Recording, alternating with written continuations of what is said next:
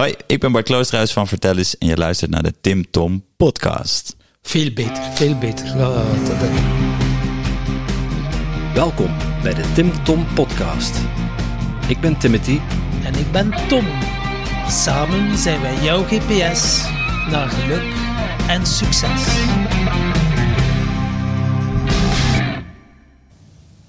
Ho, stop, wacht even Tom. Voor we beginnen met onze podcast moet ik nog iets heel belangrijks vertellen. Allee, wat is nu weer? Ja, een beetje reclame maken voor ons Tim Tom Festival misschien. 9 september, Peersbos, Braschaat. Serieus? Ben jij nu echt dat dat nodig is met al die inspirerende gasten? Eh, ja, hoe gaan wij anders duizend ticketjes verkopen? En met die groeimarkt en die zenzone, waar dat u een keer lekker kunt laten masseren. Ah, En daarbij, de mensen weten dat toch al? Oké, dan niet hè. Pst, ga naar www.timtompodcast.com slash festival en scoor nu je ticket. Eh, wat zie jij tegen mij? Eh, niets, niets. Ah, ik dacht alweer aan zeven worden over dat festival.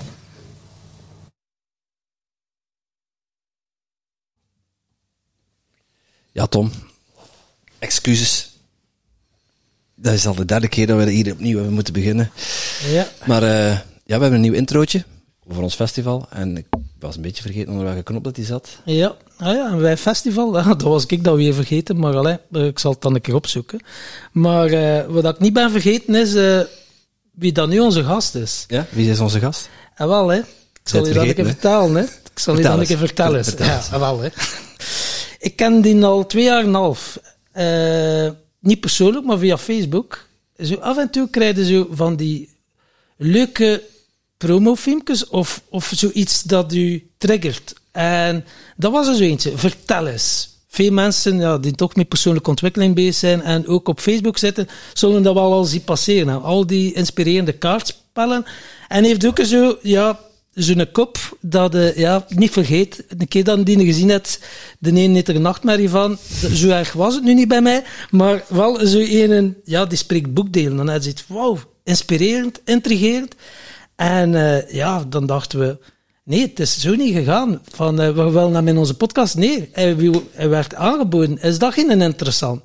En moet eerlijk zijn, hij stond ook wel al op onze lijst. En, eh, Inderdaad, ja. En dat, toeval bestaat niet. Hè. Zeker niet in onze podcast. Jeroen van Streamtree, het netwerk waarbij, waar, we, zijn aangesloten voor onze podcast, waar ook Giel Belen bij zit, eh, die zei tegen ons, ik heb een interessante gast voor jullie. En eh, voilà, nu zit, eh, ja. nu zit Bart hier. Dus eh, Bart Klooster is meer bekend als Vertel eens. We zullen een keer zien wat dat hij allemaal te vertellen heeft. Wat denkt u? Plan. Oké. Dag Bart. Hoi, Goedemorgen. thanks. Thanks voor de de intro. podcast. Ja, leuk. Nou, vertel Ik eens. hoop dat ik het, ja, ik hoop, ik hoop dat ik het waar kan maken. De, de, Ja, nu- Jeroen ons mij, mij heeft gepitcht bij jullie. Dus, eh, Ja, ja, ja, ja, ja. En eh, zoals ik al zei, van, ja, vertel eens, is toch wel iets dat vrij groot aan het worden is. Want ja, het is begonnen met één kaartspel, vermoed ik. Ja. Van waar, soms beginnen we met de vraag van de vorige gast, maar nu voel ik, nee, ken ik zin om iets anders te doen. Top. vertel eens van, hoe is dat idee ontstaan? Laat jij dan zo onder een boom of in je bed zo van, ja, dat is er nog niet, daar ga ik een keer creëren of eh, neem ons een keer mee. Ja, nou, het is al een proces. En wat bij jullie aansluit bij jullie podcast, daar moest ik aan denken in de auto hierheen. eh, hè, jouw, jouw GPS naar geluk en succes. Mijn leven is eigenlijk, als ik terugkijk, altijd al een beetje een stappenplan geweest. naar hoe kan ik gelukkiger, eh, nou ja, succesvoller had ik dan niet zoveel mee met de, Amerikaanse invulling van succes. Maar wel met, eh, ja, hoe, hoe kan ik gewoon fijner, leuker, blijer, gelukkiger leven? En eigenlijk is dat eigenlijk een stappenplan geweest, wat me uiteindelijk tot vertellers heeft geleid. En de kennis die ik heb opgebouwd, die ik nu, nou ja, in een doosje of in een dagboek eh, stop. En hopelijk, nou ja, hopelijk, dat gebeurt, heel veel mensen eh, mee mag inspireren. En dat stap, die stappenplan is eigenlijk op jonge leeftijd al wel begonnen. Eh, ik heb bijvoorbeeld eh, wel mijn gymnasium gedaan, omdat mijn broer op, op die school zat. Die is tien jaar ouder, dus als de jongste van het gezin ja, volg je daar toch een beetje je broer in. Maar ik kon ook heel goed voetballen en ik kon ook best wel goed tennissen. En ik speelde gitaar. En dat was op een gegeven moment allemaal best wel te veel. Ja, en ik vond toch dat ik mijn school goed moest doen. Nou ja, het ging niet heel goed. Plus ik vond school ook een beetje... Ja, waarom leren we dit op die manier? Dus ik was ook een beetje rebels. Misschien komt dat ook als jongste van het gezin. En hè, je probeert je toch een beetje een eigen identiteit te vormen. Maar mijn schoolperiode op het gymnasium was eigenlijk gewoon helemaal niet zo heel leuk. En uh, toen werd er verwacht dat ik ging studeren. Dat heb ik niet gedaan. En uh, nou, toen is heel veel frictie eigenlijk ontstaan met mijn ouders. Maar ik had wel ja, de bewijsdrang van... hé, hey, ik wil wel wat met mijn leven maken. En als het geen voetbalcarrière wordt... Uh, school doe ik niet op deze manier. Ja, wat, wat gaat er dan wel worden? En toen ben ik eigenlijk uh, ja, vol in persoonlijke ontwikkeling eigenlijk gedoken. Boeken gelezen. en dat vond ik zo leuk en interessant. En als ik wel was gaan studeren... was ik denk ik psychologie gaan doen. Omdat ik gewoon ja, mensen ja, heel leuk vind. Ik ben denk ik wel redelijk extravert. Ik ga goed op energie van anderen. Uh, dus dat stukje ja, zat altijd wel, wel in me. En dat wilde ik eigenlijk gewoon verder verkennen. Nou, toen stap voor stap. Op een gegeven moment kreeg ik een kans om uh, in het buitenland te werken. Waar het bedrijf waar ik coaching deed.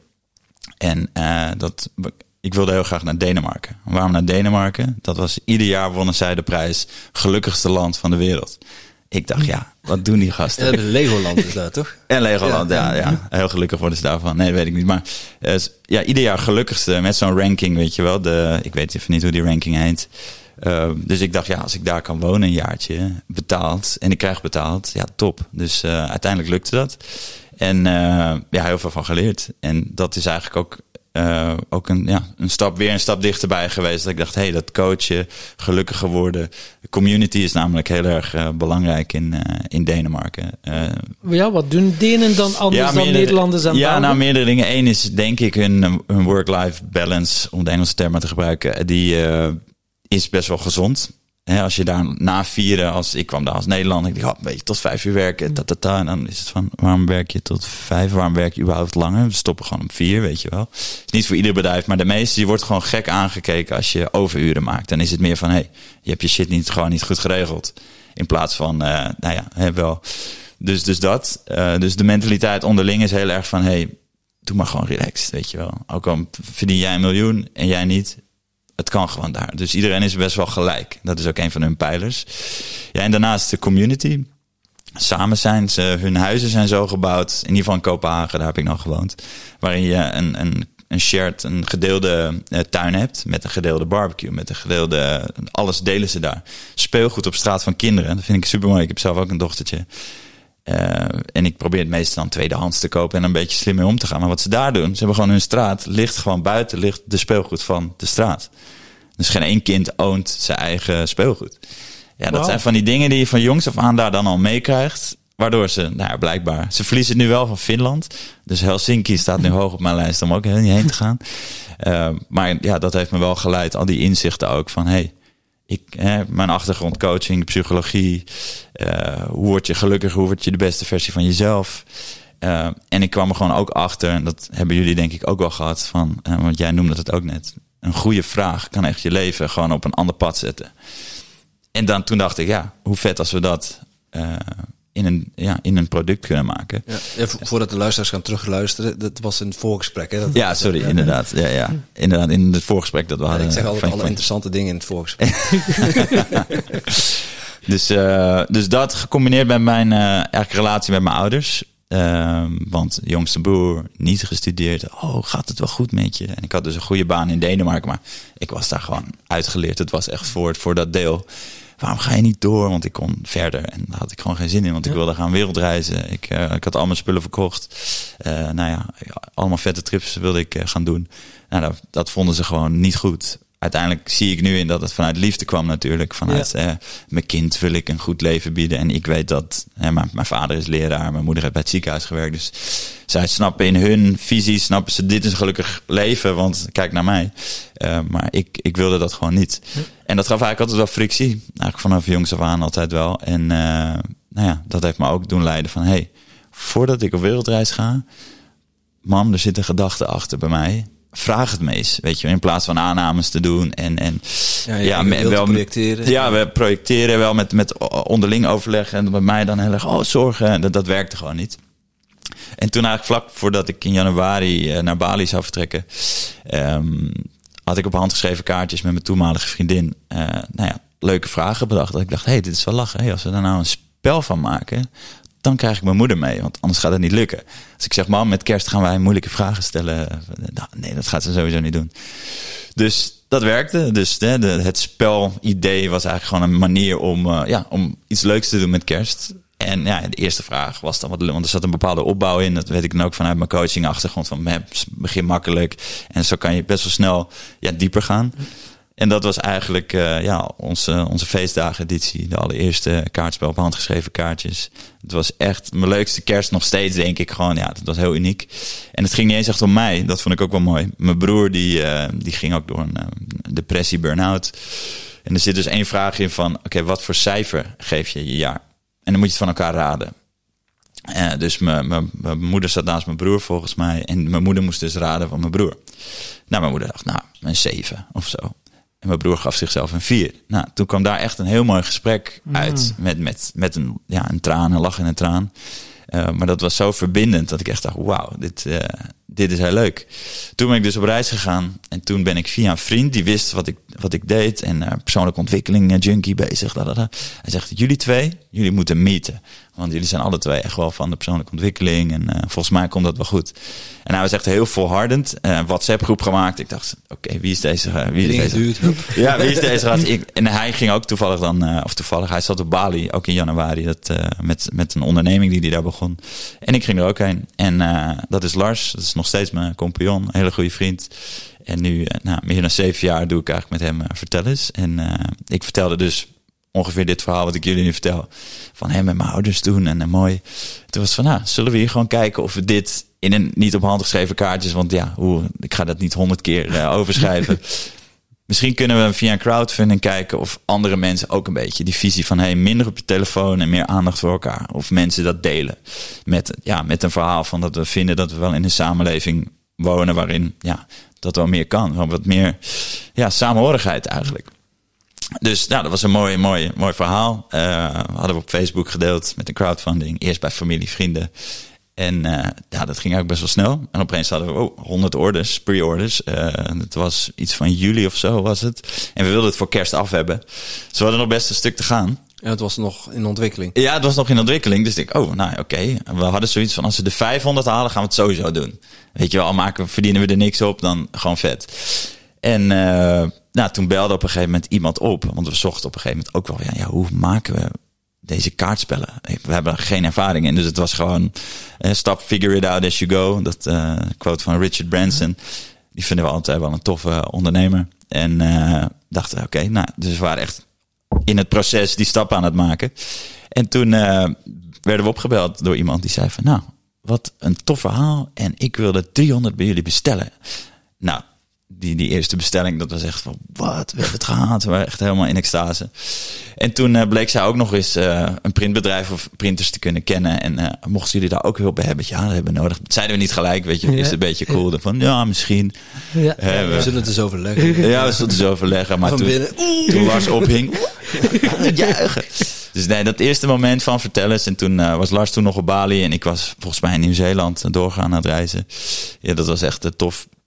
En toen eigenlijk liep het vanaf daar eh, best wel snel uit de hand. En je zei net eh, best wel groot aan het worden. Eigenlijk best wel groot, heel snel geworden.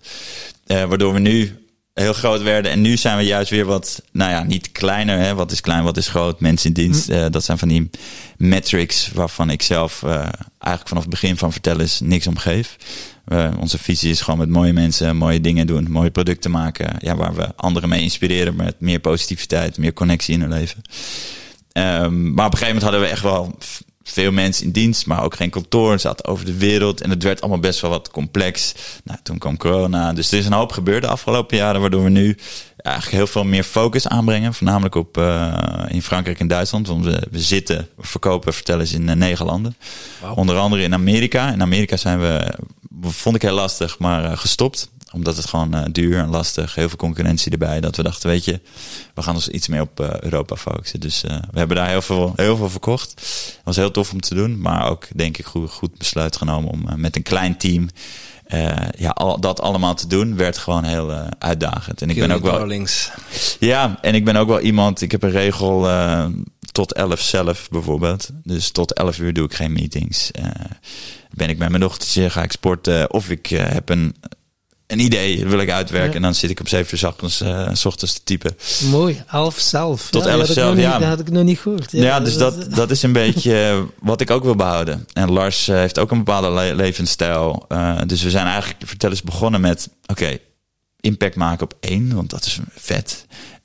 Maar daarnaast ook wel gewoon... Ja, ik hoef niet een heel groot bedrijf en te verkopen en dat soort dingen. Nee, ik doe eigenlijk vertel eens voor... Ik wil dit ja, zo lang mogelijk doen, weet je wel.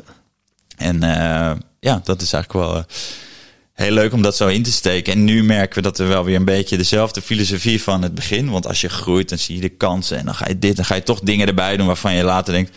"Mwah, met de kennis van nu hè, zou ik dat simpeler hebben gehouden. Maar toch uit een soort enthousiasme. En ja, we hebben heel veel dingen geprobeerd die, eh, die half zijn gelukt of niet. Of energiekosten van... Of het gevaar is eigenlijk als het een beetje lukt... dan kost het eigenlijk energie van iets wat nog beter zou kunnen gaan. En dan is het ook moeilijk om dat te stoppen. Want als het helemaal niet lukt, ja, dan weet je gewoon, Ja. stop maar, weet je wel. En dat bij ons lukt het allemaal best wel redelijk. En dat was ook wel weer, eh, ja, eh, weet je, gingen we weer een nieuw land openen. Oh, leuk. Oh, het, werd, het wordt daar ook verkocht. Oh, Facebook advertentie, boom, daar. En de, de, de tekst kunnen we gewoon kopiëren. Of eh, kopiëren, vertalen. Ja. Daarin letten we wel altijd op de nuance per land. Weet je, in Scandinavië, waar we bijvoorbeeld verkopen, ehm, ja, die, die gaan iets anders met eh, dan Amerikanen, bijvoorbeeld om met te vragen. In Amerika deden we echt, what's your most dit of your most dat? En in Denemarken is meer, wat is één van de meest, eh dus even iets meer dat, eh, wat ik eerder schetste van het Denemarken, van iets meer dat gelijkheid, niet erg van wie is, wie is de beste. yes. Yeah, man, fuck yeah, America. Dus eh, dat deden we daar eh, niet. Maar dat lukte gewoon allemaal. Best wel snel. Hoe, hoe vertel je vertel eens dan naar het Engels? Ja, ook met de kennis van nu had ik daar misschien andere keuzes in gemaakt. Maar we hebben het gewoon zo gelaten. Omdat we dachten, weet je, wij als Nederland liggen best wel goed in de wereld. Niemand je, haat, Je, je hebt de productnaam gewoon. niemand haat ons, niemand, eh, weet je. Dus we dachten, hey, we zijn een klein land en iedereen kent eigenlijk alleen maar Amsterdam. Dus we dachten van, vertel eens, which means tell me more in Dutch. En dat deden we dan. Dus we de- hielden de naam, maar dan wel met een subtitel met uitleg. Ja, ja. In dan, ik kan eigenlijk Anders alleen... je de vraag, hoe de fuck is Alice? Ja, precies. Huh? Dus eh, ja, dat is eigenlijk eh, een beetje... Heb ik daar nog meer aan toe te voegen? Leuk om te vertellen weer. Lang ja wauw. Dus, Eh, Wat mij, wat mij met- meteen triggerde toen je aan het vertellen was, van ik- gymnasium, hè, dat is dan voor de Vlaamse luisteraars eh, het, voor de middelbare school het hoogste niveau wat je kunt doen. En dan toch besluit om niet te studeren. Eh, bold choice. Ja, best een van de betere keuzes. Ja, je, je, hebt, je hebt dan eigenlijk al van, van jongs af aan voor jezelf gekozen en niet voor het pad wat je ouders hadden bedacht voor je. Ja, ja Eh, maar ja, dan ben je 18 jaar eh, en dan, dan moet je gaan werken. ja, Ja, je moet toch ergens, hè, ja, ja. word je toch in een bepaald stramien ge- Ja. geduwd. Eh, maar hoe ben je dan met persoonlijke ontwikkeling aan de slag gegaan? Want dat is toch niet iets wat, wat je op school meekrijgt zo van, eh, van school uit? Nee, klopt. Ehm, ja, als ik daar nu over nadenk, denk ik, ja, het was altijd wel. Ik ben altijd heel nieuwsgierig wel geweest. En ik vind mensen ook gewoon heel leuk. En ik heb eh, hoog gevoetbald. En daarin leerde ik altijd van, oké, iedereen is fucking goed. Eh, want ik speelde in, in de jeugd op topniveau tegen Ajax en al die, al die clubs, zeg maar.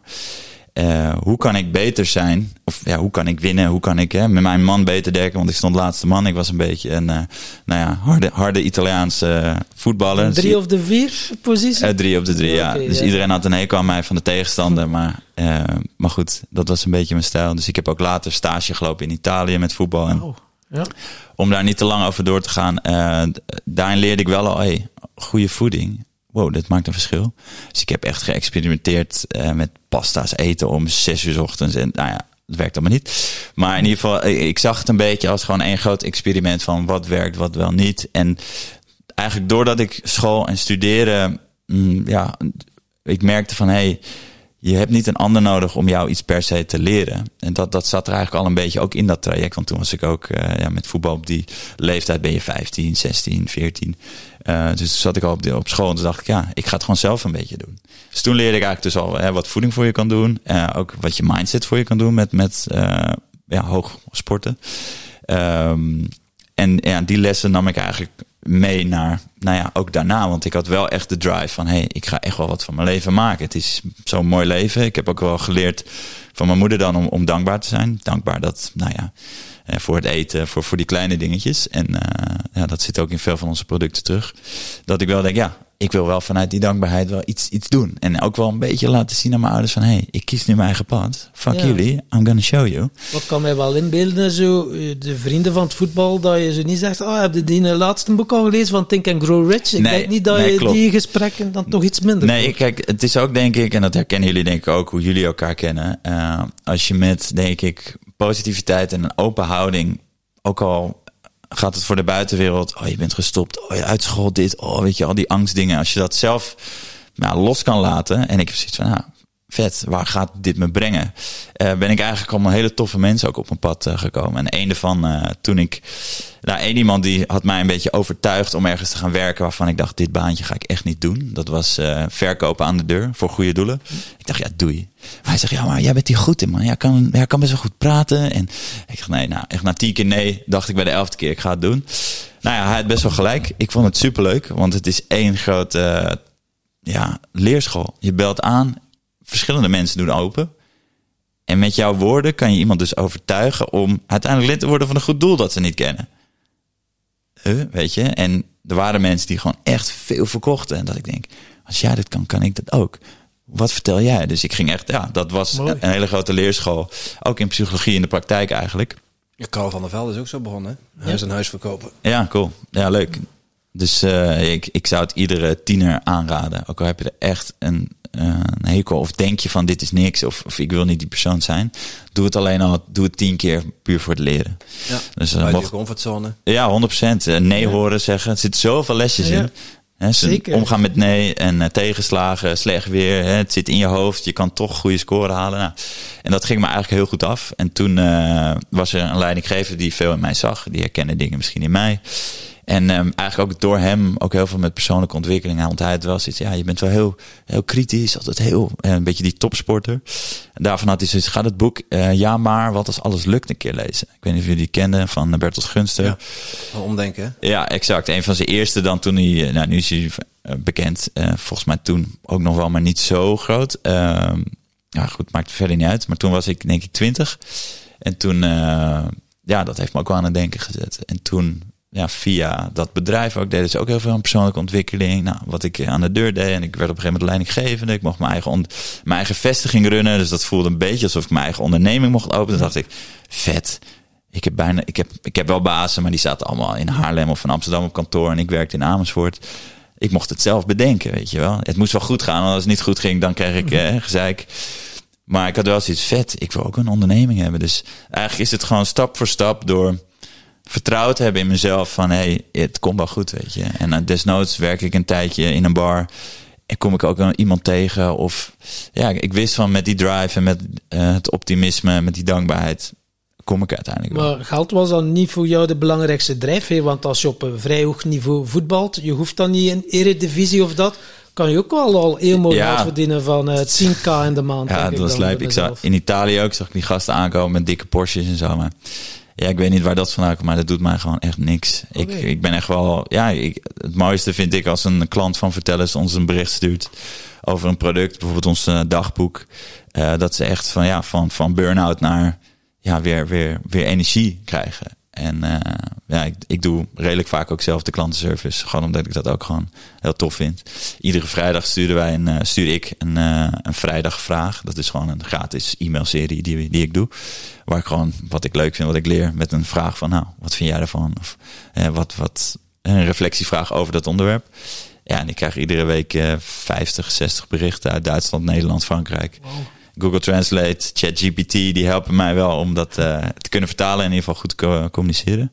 Maar dat vind ik heel leuk om uh, te doen. Ja, dat is eigenlijk altijd al mijn, mijn gevoel. Ik geef niet zoveel om status, succes.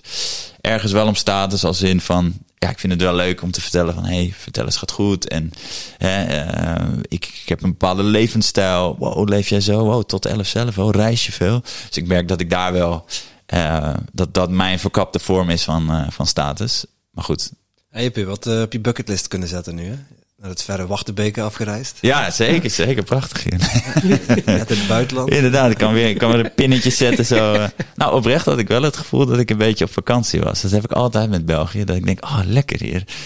Ik, heb ook, ik dacht, ga ik misschien spontaan naar Gent straks of zo. Maar goed, Ja. dat, eh, Dat is een goede vibe, eh, Gent. Ja? Eh, sowieso. Ja, qua stad is echt wel zo wat meer zo het, ja, zou dat spiritueler zijn? Ik weet het niet. Zo van, ja, iedereen laat elkaar meer rust, maar toch die verbinding zo. Nou ja, van cool. niet zo in die... je voelde al een bepaalde energie. Ja, klopt inderdaad. Wel. oké, ook niet- wel wat kunstenaars en zo. geen die status zijn. en, eh, dat soort dingen. Veel scholen uiteindelijk, uh, unief-studenten. Dus dat Oh ja. zorgt wel voor een, Jong, eh, een goede vibe.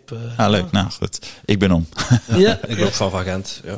En hij is van van A-agent. ja, ja. Ik heb, grappig, ik heb helemaal eigenlijk- niks meer met voetbal. Ik kijk het niet eens. Ik heb één vriend dan, eh Joël Veldman. Die voetbalde bij Ajax en die voetbalt nu in Engeland. Af en toe vind ik het wel leuk, omdat ik hem persoonlijk ken, om even te checken van hoe gaat dat. Ik spreek hem niet meer zo vaak als vroeger, maar Je, je Ja. hebt dat hoofdstuk wel afgesloten. ja, ik ben wel zo iemand. Ik heb ook bijvoorbeeld heel hoog gegamed. Eh, ik heb blijkbaar als ik iets echt eh, dedicated, echt leuk vind, die intrinsieke motivatie heb, dan, dan leer ik best wel snel. Ehm, dus ik heb ook heel hoog gegamed op, eh, nou ja, eh, echt e-sports eh, niveau. Alleen toen wel op een gegeven moment dat ik dacht, wauw, als het met een eh, toch een soort ja, visie van hoe gaat mijn leven zijn als ik niet meer 20, als ik 30 ben en, en, ja, wat, wat, wat voor carrière, of carrière niet echt, maar wat, ja, hoe gaat mijn leven eruit zien? Ben ik iemand die eh, met ja, een club gasten met z'n vijven een huisje huur en dan van zeven tot, eh, tot tien ga gamen de hele dag. En daar had ik zoiets van, nee. Dus ook daar nooit meer gegamed. Voetbal ook gewoon, gewoon gestopt. Dus ik ben wel, eh, ik heb voor Vertellers deed ik heel veel persoonlijke ontwikkeling en ik deed coaching. Ehm, eh, het heette de Dutch Rebel. Ik vond mezelf rebel, dus ik dacht, mooi merk. Maar dat begon op een gegeven moment ook wel te lopen. En ik verkocht eh, mijn, mijn cursus over hoe je het beste uit jezelf kan halen, mentaal en fysiek. Dus dat was eigenlijk een beetje een vroege versie van eh, nou, ochtendroutines, koud douchen in 2015. Toen het, nou ja, nu heeft, hebben veel hebben het erover. Dus toen was ik vrij vroeg daarmee. En ik denk als ik daarmee door was gezet, dat het ook nog wel hè, nog meer had kunnen staan. Maar ik had zoiets van ja, dat was ik toen, is mooi geweest. Ik hoef het niet langer te rekken. Ik heb daar mijn lear- learnings uitgehaald. Hè, van ochtendroutines wel en niet, van voeding wel en niet, van nou ja, noem maar op. Wel gewoon ook mee gestopt. ja, En, dus eh, jij doet echt wel... keuzes.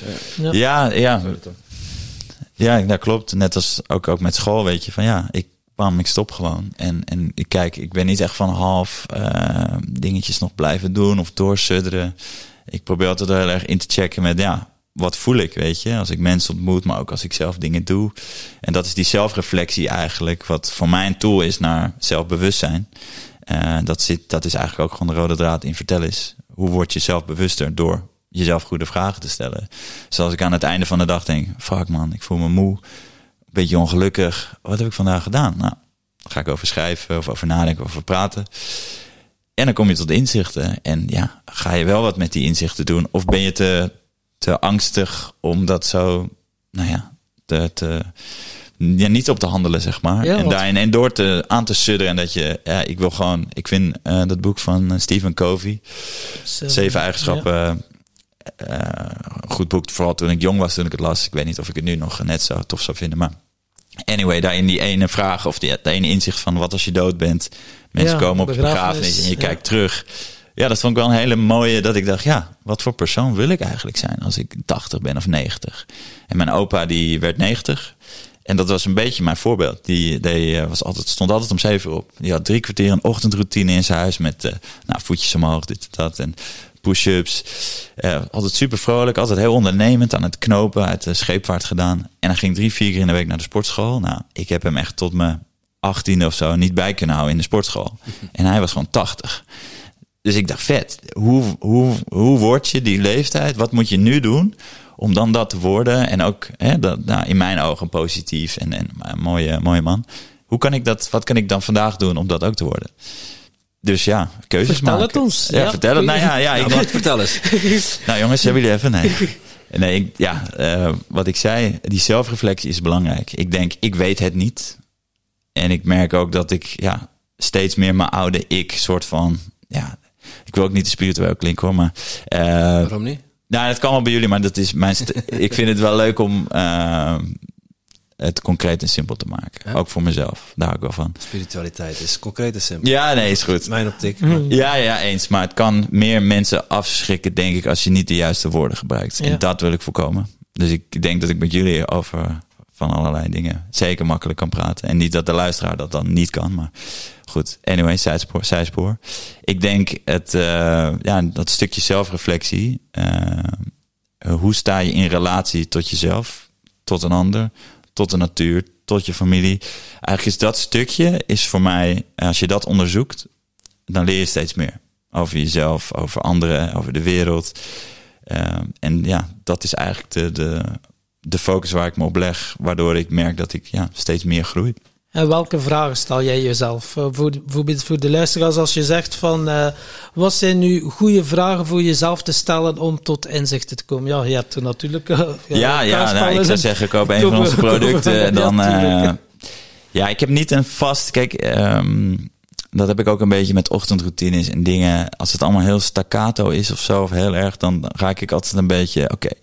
Eh, ik vind het, het vernieuwen, het onderzoeken vind ik ook leuk. Dus ik heb niet per se, nou hier zijn tien vragen.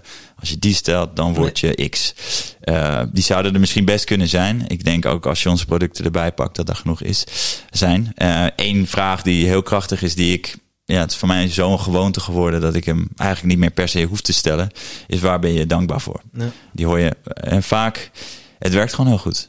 En eh, ja, en juist dan in te zoomen van de kleine dingen die je voor lief neemt. Want ik ben ook wel iemand die denkt, oh weet je, ik wil meer, ik wil groter, ik wil dit en ik wil sneller. En oh nee, wat, wat kan ik vandaag? Hey, wow, het is eh, lekker weer. Het is rustig op de weg. Oh, Wachterbeek, wat nice dat ik via via jullie mag ontmoeten. Nou ja, van dat soort dingen gaan dan automatisch bij mij dan eh, in mijn hoofd. En dat ik wakker mag, ik word weer wakker. En ik lig naast mijn vriendin, ik ben gezond.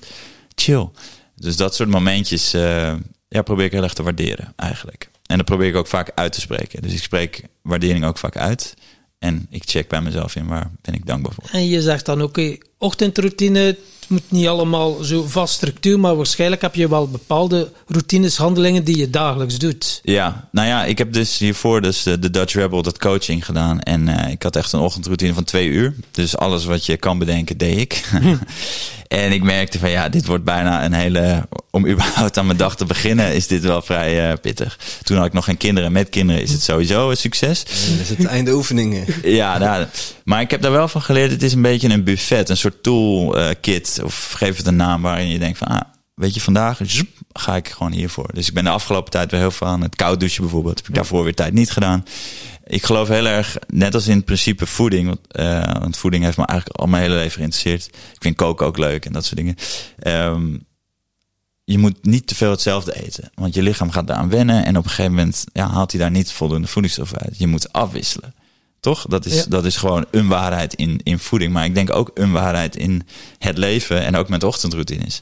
Als je altijd maar hetzelfde doet, wordt het meer een beetje een soort...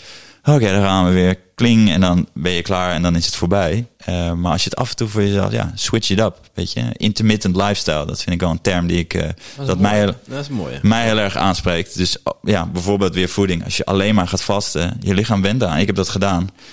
Ja, op een gegeven moment heb je ook geen honger meer. Is het super easy. Maar de kunst is juist als je dus, nou ja, hè, dat helemaal omgooit, dan weer terug te gaan. Dus eh, ja, dat, dat switch it up, intermittent zodat lifestyle. Het, eh, zodat het geen comfortzone wordt. Dan. Nou ja, je gaat er gewoon aan wennen. Je breinpaden, je neurotransmitters gaan allemaal in die paden zitten en het wordt gewoon heel makkelijk. En eh, dat is voor mij ook gewoon een soort metafoor van hou het leven niet te makkelijk voor jezelf. Maak het moeilijk. En dat had ik dan ook terug naar mijn gamen. als ik bijvoorbeeld vroeger een computerspelletje kocht op de Game Boy. Eh, vrienden van mij kochten hem ook. En die begon, Gameboy, waar is de tijd? ja, vet hè. Ik heb hem nog thuis. Ik heb er alle drie nog. Ik heb bewaard. Mijn ouders eh, blij dat ze hem hebben bewaard. Maar goed, zo'n spelletje kocht je dan voor... Ik weet de prijs niet meer. Zeg 50 gulden. Als kind is dat veel geld. En mijn ouders hadden zoiets van... Nou, als je dat wil, moet je het zelf voor werken. Oké. Ehm, en ik dacht, ja, ik ga niet op easy dit spel doen. Want dan heb ik het zo uitgespeeld. En vrienden van mij deden dat wel. En ik dacht, nee joh, very hard. En ik hoop dat ik hier weken mee bezig ben. En dat is eigenlijk ook wel een metafoor waarvan ik denk, ja, zo wil ik mijn leven nu ook leiden. Ik wil niet alleen maar de makkelijke route kiezen. eh, de simpele dingen doen. En als ik te comfortabel word, als mijn leven te makkelijk gaat, en dat is dan ook weer, weer kan ook weer doorslaan aan de andere kant, eh, kan ik best wel onrustig worden. En dan wil ik gewoon ja, op avontuur. En dan wil ik in mijn eentje gaan survivalen in Zweden, bijvoorbeeld, heb ik gedaan. Eh, I don't know, van die, van die dingen doen. En ik ben wel nu op een punt dat ik denk, oké, geniet ook wel van als het een keer smooth gaat. Je hoeft niet altijd ergens uh, gevaar of iets te hebben waar je in je, je, mannelijkheid kan, hè, kan, kan vastpakken of, of weet ik veel. Dus dat heb ik wel geleerd, maar ik heb wel zoiets van ja, maak het niet te comfortabel voor jezelf. Want dan word je gewoon een beetje een soort, uh, nou ja, een, een, een plantje. Ik, ja, ik zoek, zoek een woord, maar het wordt gewoon te makkelijk, zeg maar. Ja. Uh, atrophy is de Engelse term. Uh, je, je, je, je vermindert gewoon een beetje in je... Je mag wel wat uitdagingen hebben in het leven. Ja, denk ik denk dat het je sterker maakt. Een beetje, ja. zeg maar, stress, uh, milde stress zelf opzoeken. Weet je, dat kan spanning zijn voor een podcast. Of ik had, een paar maanden terug had ik op een middelbare school een, een talk gedaan. Voor, want we hebben ook een, een kaartdek voor tieners, voor mentale gezondheid. Om hun te helpen met, nou ja, de tijd waarin we leven. En die meer... heb je niet meegenomen, Tom? ik zat er nog aan te denken. um, dus uh, nou, dat vond ik ook spannend, maar daardoor dacht ik, yes, weet je wel. Dus voor mij is nu, ik associeer nu spanning of discomfort, zoals ik dat noem. En dat is ook dus koud douchen op een klein, klein, uh, kleine manier. Of een zweethut, wat jullie ook hm. hebben gedaan. Het is, je hebt er niet stress, echt, hè? Je hebt er niet zin in. op een goede manier. Ja, ja. En ik denk door dat te gaan zoeken, is het voor mij gewoon leuk. Dus ik, ik heb daar gewoon zin in. Ik, ik hou van. Uh... Timo Hans zei dat tegen ons. Het is al uh, way back. Ja. Uh, begin van onze podcastcarrière. want stress is gewoon gezond. Mm. Alleen de, de chronische stress, die moet je vermijden. 100%. Hè? Die papieren tijger, daar moet je, daar moet je omheen sluipen. Maar uh, daag jezelf maar lekker uit. Maar jij houdt wel van een uitdaging, hoor ik. Ja. Is het nodig om jezelf zo extreem te pushen? Hè? Topvoetbal, topgamen. Ja, dat was vroeger. Dus, dus toen, uh, dat was mijn vroegere ik. Mijn, mijn ik van nu heeft wel veel meer zelfliefde. En veel relaxter. En ik hoef weet je, al doe ik een week geen ochtendroutines. Vroeger ja. kon ik daar heel erg... Toen mm. ik bijvoorbeeld eerst met, voor het eerst mijn dochter kreeg. Ik dacht, kut, ik kan nu geen podcast meer luisteren wanneer ik wil. En nu denk ik echt, gozer, was dat nou je issue? Weet je, weet je hoeveel je van haar kan leren? Snap je? Dus dat. Een wandelende uh, podcast. Ja. ja, nee, maar dus dat, ik had wel heel erg concepten en overtuigingen van als ik het beste wil zijn of het meeste wil leren, dan moet het zo en dan doe ik dit. Dat heb ik uh, ja eigenlijk ook in de afgelopen jaren ook denk ik door vertellen is door heel veel klanten uh, of, of fans noem ik ze liever van ons uh, te, te, ja, te, te horen te spreken dat ik denk hey hier kan ik ook van leren. Dus uh, ja, ik vind mezelf veel chiller. En dat is ook denk ik deels omdat ik vader ben geworden. Denk ik deels door vertellen. Denk ik deels door ouder worden. Um, maar ik heb nog wel die, nou ja, die concepten die me dienden van toen. Die probeer ik nog steeds uh, mee te nemen in het nu. Um, ja, en de rest waarvan ik denk... Ik, één ding wat ik wil toevoegen, moet ik nu aan denken... is een goed boek van Matthew McConaughey weet niet, die kennen de acteur. Mm -hmm. ja. Als je het boek niet kent, ik vond hem heel leuk om te lezen. Het is een beetje zijn... Uh, ik ken de acteur, maar zijn boek niet. Ja, echt een aanrader. Uh, Green Lights heet het. Er staat één hoofdstuk in, wat mij dus erg aansprak, is The Art of Running Downhill. Hij had ook zoiets van in zijn leven altijd, weet je, waar is het addertje, waar kan ik vechten, waar kan ik mijn kop tegen dat asfalt en, en iets doen. En dus in dat hoofdstuk beschrijft hij van, hey, als het een keer downhill voor je gaat, ren gewoon en geniet daarvan. In plaats van dat je dan, oké, waar, waar kan ik nu, hoe kan ik het moeilijker maken? Van dit is te, te makkelijk. Dus dat vond ik wel een mooie metafoor dat ik denk, ja, oh, ik zit nu in een downhill periode. Daar gaan we dan lekker voor. In plaats van uh, dat ik dan onrustig word of ik moet iets extreems doen of ik moet weer gaan survivalen of zo. Dus dat, uh, ja. Maar het is wel zo, ja, je hebt dat ook wel ergens nodig. Zo nieuwe dingen uh, gaan experimenteren uh, en het kan van alle slag zijn. Want je hebt heel veel uh, interessegebieden, als ik het zo hoor. Ja, ja zeker. zeker. Dat is ook denk ik het voordeel, als ik terugkijk op niet studeren. Dat ik dacht, ja, oké, okay, in studie moet je één ding soort van leren. Althans toen, weet je wel, je wordt of dit, of je wordt dat, of je gaat dat worden. En nu denk ik, ja, ik vind, wat vind ik interessant? Dat vind ik allemaal leuk. Weet je. Ik vind topsportmentaliteit leuk. Ik vind psychologie leuk. Ik vind voeding leuk. Ik vind mensen, ja, goed. Uh, liefdesrelaties vind ik super interessant. Uh, ja, heel veel dingen. Jeugd, kinderen. Uh, het zijn allemaal, allemaal dingen die ik gewoon interessant vind. En ja, ik ben wat, wat daarin denk ik wat autodidacter geworden dan. ik merk bij sommigen, en dat is nu ook wel anders, maar toen merkte ik wel van als je studeert, dan er wordt er verteld wat je moet leren. En als je dan het klaslokaal uitloopt, moet je je huiswerk misschien maken of whatever. En that's it. En dan ga je chillen, suipen, feesten. Uh, ja, Tom heeft niet gestudeerd, heeft het ook gedaan. Hè? en ik heb wel gestudeerd. Ik ben ook een, een ik ben een goede autodidact. Ik, uh, ik heb een heel breed interessegebied. En ja, cool. Ja, ik kan niet zeggen dat ik alles goed kan, maar andere mensen zeggen dat wel. Ja. Ik vind dat zelf wel mee. Ja, het is lastig als ik zoiets zeg. Het is natuurlijk niet voor ja. iedereen. Ik wil niemand ook Nee. in een hok sto- dus hokje het- stoppen. Helemaal mee eens. Het, het kan totaal andere kant op. Zeker, Maar ja. Ik herken wel heel veel van wat jij vertelt eh, bij mezelf. Ik heb een iets minder extreme eh, lifestyle gehad tot hiertoe. Eh, maar ergens heeft het mij, het heeft me gediend om, hè, om mezelf uit te dagen en te pushen en de moeilijke weg te kiezen en alles maar altijd zelf uit te zoeken, autodidact en dan Ja. te gaan doen. Gewoon ook om uit drive omdat ik het leuk vond. Het heeft me niet altijd gebracht waar ik wilde, waar ik wilde zijn. Nee. En Ik vraag me wel af, van wat, wat heeft die, als je nu terugblikt op die periode, eh, hoe was die relatie met jezelf op dat moment? ja, door die dingen werd het wel steeds beter. Ik moet bijvoorbeeld nu denken aan dat ik in mijn eentje eh, naar, naar Zweden ging met alleen een tentje. En ik dacht, nou, moet ik wel een slaapzak of niet? Het is wel oktober, dus het wordt wel koud. Doe maar wel. Echt, eh, ik wilde niks kopen, want ik dacht, ja, zonder van mijn geld. Dus eh, een oud slaapzakje van mijn ouders geleend. Eh, ik had niks om op te liggen. Nou, je weet al waar dit een beetje heen kan gaan natuurlijk. Het was veel te koud. Dus het was echt heel zwaar om dat te doen. En ik dacht ook, nou, ik ga wel vissen. Hè, een beetje Bear Grylls vond ik vet. Want het survival programma op Discovery Channel. Dat kan ik wel. Eh, pff, niks gevangen. Het was verschrikkelijk. Het is echt pittig, jongen. Ik dacht, nou, ik ga een week. Nou, bij dag vijf, ik schrompelde bijna niet geslapen. Want elk geluidje dat je dan hoorde... Beer. Er zit een beer. Helemaal geen beer in Zweden. Maakt niet uit. Maar Je Ja. probeert ze wel op te zoeken. je wordt, je wordt gewoon helemaal gek. Maar dit is een van mijn grootste, eh, beste leermomenten ooit. eh, dat ik dat heb gedaan. Eh, ik heb ook een Vipassana gedaan. Heb ik niet afgemaakt. Eh, maar daar leer je ook heel veel. Maar dan voelde het voor mij toch heel erg schools en scripted. En het moet zo. En daar zit ook echt wel de kracht in. Dus ik kan het iedereen wel aanraden om het te doen.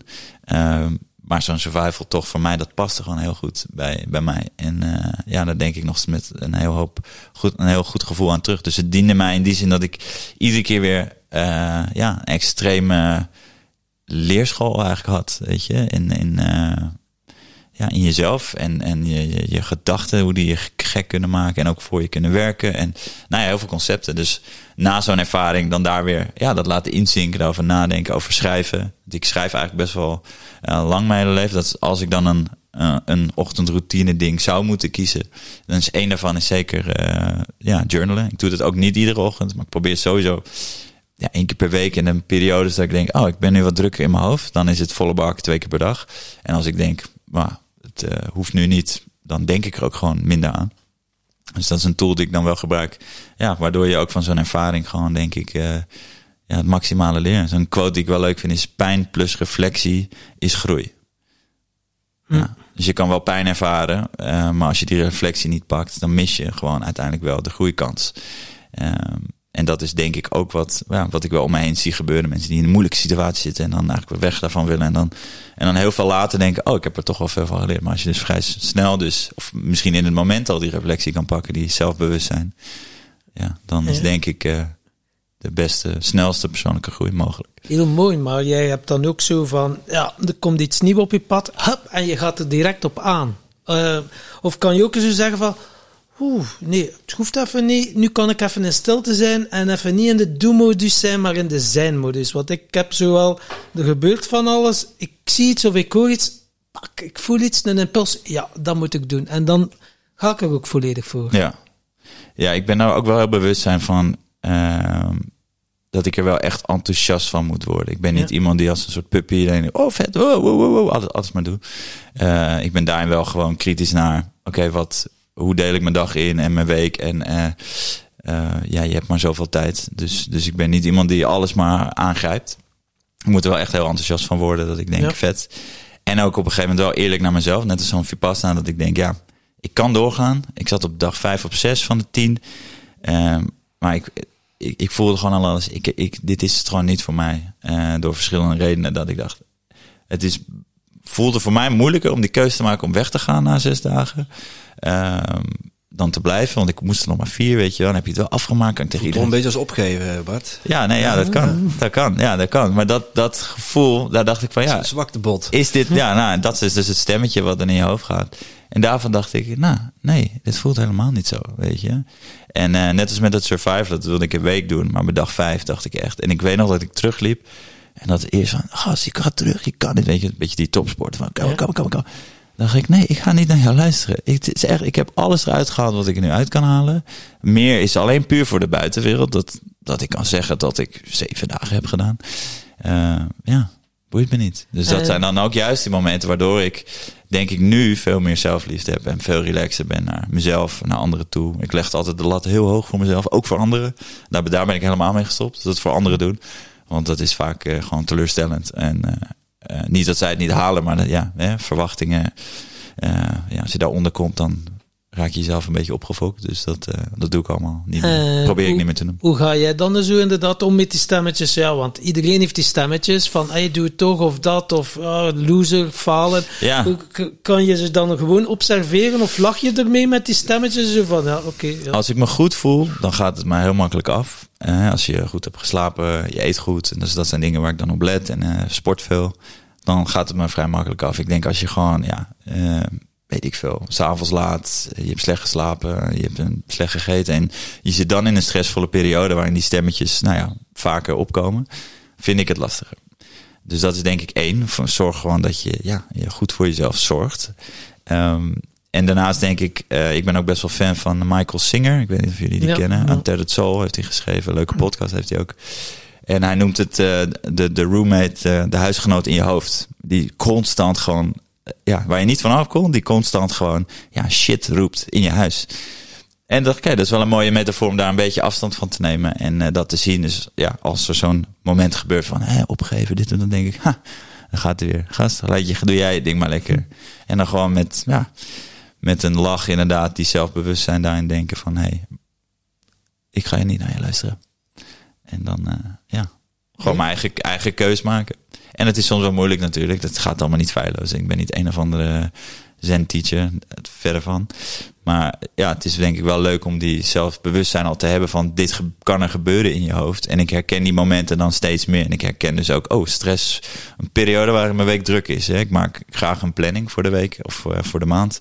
Ehm, dat ik denk, oh, deze week, ik zie hier veel verschillende dingen of nieuwe dingen.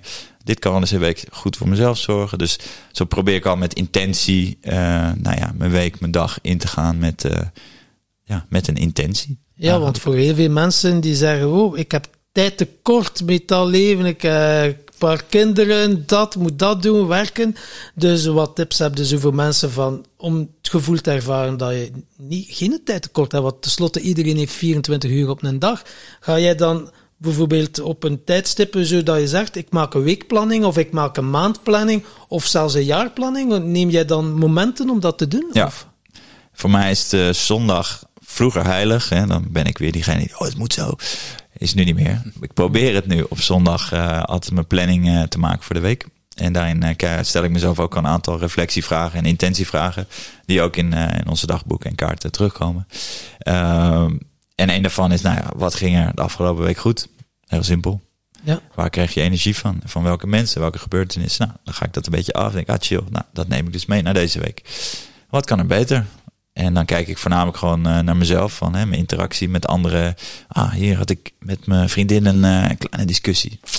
Lag toch wel aan mij, ook al vind ik, zei ik tegen haar van niet. Eh, hè, wat kan ik beter doen? Nou ja, dat zijn dan kleine dingetjes. Of hè, dat ligt natuurlijk per week. Maar zo, zo probeer ik een beetje in te zoomen en mijn week af te gaan. Het andere voordeel dat ik daarbij ervaar is dat je wel het gevoel hebt dat je veel meer uit je week haalt, ook qua tijdsbesef.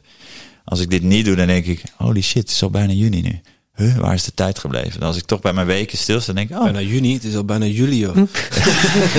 wow. Nee, precies. Maar als je dus stilstaat bij eh, ja, je, je, een observatie van je, van je week of, of je dag doet aan het einde van de dag. Van hey, wat heb ik ook weer gedaan vandaag? dan uh, ervaar ik het gewoon als een stuk, ja, krijg ik een voldane gevoel. Uh, heb ik het idee dat ik ja, veel meer in een week heb gedaan. Dat ik denk, oh, dit was maandag en dinsdag. Oh ja, vet. Oh, ik heb toch best wel veel gedaan. Uh, of leuke dingen gedaan. Of geef het een naam. Ehm, dus dat, dat helpt me er ook bij. En dan voor intenties zetten, ja, dat, wat ik al zei, ik neem mee wat ik, wat ik ga doen voor die week. Van wat ging er goed, wat kan er beter. En ik kijk naar mijn mentaal fysiek, voeding, sociaal en mezelf. Dus die vijf, die vraag ik eigenlijk altijd aan mezelf. Dus oké, wat kan ik deze week voor me mentaal doen? Dat kan iets ontspannen zijn als ik denk, ik moet ontspannen. Het kan zijn, hey, ik wil een nieuw boek beginnen, uh, een podcast luisteren. Nou, iets om te leren, om mezelf te prikkelen mentaal. Dus uh, daar kijk ik dan naar. Fysiek, sporten vind ik heel belangrijk. ik probeer iedere week hard te lopen. Ik ga, als ik kan, iedere dag iets doen aan, aan sporten. Veel fitness, soms met vrienden squashen of tennissen. Dus dat probeer ik dan ook in mijn week te doen van... hey, waar kan ik dat doen? En hoe kan ik dat alvast inplannen? Oh, ik heb op dinsdag, breng ik mijn dochtertje naar school... Ik heb dit ook voor werk staan, weet je. Ik ga eerst werken en dan sport. Nou ja, zo probeer ik mm. niet te, star van mijn dag moet er zo uitzien. Maar ik probeer een beetje, nou ja, een beetje als een surfer hè, met een golf mee. Uh, probeer ik een beetje mijn week in te delen. Maar wel met die, die principes dus van mentaal, fysiek, naar voeding. Oké, uh, minder drinken, beter eten. Nou, gewoon de, de, de standaard dingen. Althans voor mij. Uh, sociaal, ja, uiteindelijk zijn sociale relaties hetgeen wat je het gelukkigst maakt. Uh, kunnen zo ook nog over hebben. Dat is ook wel een drijfveer van mij, ook voor vertel is. Ehm, ja, welke mensen heb ik tijd niet gesproken? Wie moet ik even een appje sturen? Of een kaartje? Of even bellen of we gaan echt wat doen, weet je wel. Uh, en het laatste is voor mij de moeilijkste, is uh, zelf, tijd voor mezelf. Ik ben graag met mensen. Uh, dus het voelt altijd een beetje onwennig om dan een dagje in mijn eentje, terwijl ik heb een dochter en mijn vriendin en ik kan dit doen, ik had zus. Maar ik merk altijd dat die dagen met juist alles helpt om ook weer te laten bezinken en gewoon nou ja, weer andere dingen op te pakken die ik eh, anders dan niet doe in je eigen ja, stramien of routine. Kan je, kan je goed alleen zijn? Of is het ook zo'n vlucht of heb je meer die prikkels nodig? Ik, ik heb altijd een onwennig dingetje, maar dat weet ik nu, dus daar moet ik altijd om, om lachen. Dus uh, nee, ik kan best wel goed, uh, goed zeker. Nee, ik ben niet iemand die moet gestimuleerd worden, dat niet. Ik ben wel iemand die uh, bijvoorbeeld stil zit op het strand de hele dag, dat kan ik niet echt heel goed. Ben ik beter in geworden, maar ik wil dan wel een boekje lezen of I don't know. Uh, een goed gesprek hebben. Dat heb ik dan het liefst. Dus als ik dan alleen ben, ja, dan uh, laatst pakte ik dus mijn racefiets weer. Dan denk ik, oh, jou heb ik echt anderhalf jaar niet gezien. En ik dacht, ja, fuck it, waarom niet? Dus ben ik ga fietsen, maar dan zonder, zonder uh, podcast of audio of iets. Gewoon even gewoon met mezelf in de natuur. En uh, na anderhalf uur gefietst. En dan dat, dat doen. Dus ik vind het wel leuk om iets te doen wat je, ja, in ieder geval fysiek vaak ga ik, ga ik dan wandelen of nou, echt stil zit op de bank en denk, nou, ik ga nu Netflix kijken of zo. Wie past dan uit je afmaken, dat lukt je dan niet. Uh. Nee, nee, nee, nee. Ik zou het nog een keer kunnen doen. Je zit met de prik, hè? Ja. Nee, helemaal vredig. Ga het lekker doen. Heb je het gedaan? Nee. Nee. Nee, tien dagen stil. Er is in België is een. Uh, ja, en daar in uh, Deelse Stockholm. Ja, dat is dezelfde stilo. Nou, wat voor mij ook uh, niet om mezelf nu te verdedigen hoor, helemaal niet. Maar ik... Uh, plagen, dat weet je. Ja, vrienden, ja, ja. Nee, Lars, mijn compagnon, die had dus ook een, uh, een meditatie-retreat gedaan. Ik dacht, vet. En uh, nou, nog meer mensen om me heen. Ik weet, ga ik ook doen. Dus ik opzoeken, oh, de in er in Zweden van een of andere Gwenka. Nou, klinkt wel cool. Ga ik gewoon doen. Dus redelijk spontaan met de verwachting die Lars vertelde. En wat vertelt Lars? Mooi man, deze tempels, want hij was in Thailand, tempels en je mag lekker wandelmeditaties en ja, het is echt goed en chill en je hebt je eigen kamer en, en, en ik dacht, wow, klinkt gewoon goed te doen. Kom ik uh, in Zweden aan en dat was het totaal niet. Het was, je deelt het, ik zat opeens met acht man op de kamer. Ik dacht, fucking hell. Dus, dus het stukje verwachtingen of hoe je erin gaat. Ja, ja, dus uh, en dat was heel erg, uh, ja, het voelde voor mij als een gevangenis, maar dat is gewoon mijn trigger. Mijn belangrijkste kernwaarde, of een van de belangrijkste, is vrijheid. Uh, het gevoel van vrij voelen. Uh, en dat had ik daar niet. Dus ook weer een hele mooie les. Want daarom ben ik eigenlijk alsnog best trots dat ik het zo lang heb volgehouden. Ik heb ook een hele goede vriendschap aan overgehouden. Hij zat bij mij op de kamer en hij was na dag één weg. En opeens kom ik terug naar mediteren en ik, zijn bed is leeg. What the fuck? En vooraf gingen wij al een beetje kletsen en toen op een gegeven moment moest je stil zijn. Dus nou ja, alsnog ben ik heel blij dat ik ben geweest, veel aan overgehouden. Maar ik ging er dus in met een andere verwachting uh, dan de realiteit. En dat was wel uh, ja, eventjes een hele koude douche die ik uh, na dag zes dacht van, nou, out. Ja, Ja, dat is ook wel, ook, ook wel weer voor te zeggen dat je dan voor jezelf kiest, toch? Nee, de reden waarom ik het nog niet gedaan is omdat ik er niet wild enthousiast van word. Ja, En, en omdat andere mensen zeggen dat het goed zou zijn en eh, dat ik het dus zou moeten doen, ja, dan fuck it. dan doe ik het niet. nee, ja, heel goed Nee, toch. Ik nee. heb dat ook met mediteren aan zich. Ik heb dat een hele periode heel lang gedaan. En ja, eigenlijk, het zijn allemaal, al die dingen zijn gewoon tools met hetzelfde doel. Weet je, de een haalt, eh, ja, als ik probeer te sporten, doe ik het vaak ook zonder muziek. Ehm, hardlopen doe ik zonder, zonder afleiding. Ook als een soort kans van, oké, hoe voelt mijn lichaam? Hoe, ja, als een, nou ja, je kan het een meditatie noemen, maar gewoon meer inchecken met je eh, gevoel, Ja. met je. En dat zijn allemaal tools naar ja, bewustwording. Hè, waar we het eerder hadden, dat stemmetje signaleren. En denk, oh, hey, ik merk nu, oh, ik merk dat ik toch wel spannend vind om eh, enthousiast word van deze podcast. Hè? Dat ik denk, eh, praat ik nu niet te veel? Nou, nou ja, goed, Ja, die wel, dingetjes. Vet wel wel. Ja, hè? ja, dacht ik al. Ik zie het aan je. Nee, ja, dus dat, dat probeer je dan, eh, dat herken je dan gewoon sneller. Dus het is allemaal een bewustzijnstraining. En ja, ja, om terug te komen bij vertellen is, ja, een goede vraag kan je gewoon bewuster maken van, hey, dit patroon of deze relatie of deze gewoonte, waarom doe ik dit eigenlijk en voor wie? Waardoor je een andere koers kan gaan eh, doen die, ja, waar je wel meer flow ervaart of meer rust of geluk of, nou ja. Aan de ene kant zeg je van, hè, je zoekt, zoekt die extreme op, die pijn zoek je wat op om, eh, om te kunnen groeien. groeien. Ja, ja, Te kunnen groeien, 1% groei. en aan de andere kant hoor ik ook wel zeggen van, hé, ja, het, eh, het extreme, de, de, de topsporter Bart, die, die is er niet meer. Je zegt dat je een dochtertje van vijf jaar, dat het bij, bij, het, bij de geboorte van je dochtertje een bewustzijnsverandering is gekomen bij jou. ja, en Kun, je- niet- kun, je- kun je ja. dat meenemen in, in, die periode? Want ja, ik heb het gevoel dat je, eh, dat je daar dan wel echt een bepaalde pijn ervaren die, je- waar je nu totaal geen last meer van hebt. Ja, klopt. Nee, het was sowieso een. eh, ja, pijn, pijn, ik weet niet, dat, dat woord ga ik niet. Ik noemde net die quote inderdaad, pijn plus reflectie. Het is voor mij. Ja, ik hou meer van het woord uitdaging. Eh, dat klinkt wat eh, positiever. Eh, maar goed, in ieder geval. Ja. of groeikans. Je mag ook groeikansen, maar goed, dingen doen soms ook gewoon pijn. Dus ik heb misschien een beetje mijn overpositieve deken die ik er af en toe overheen gooi.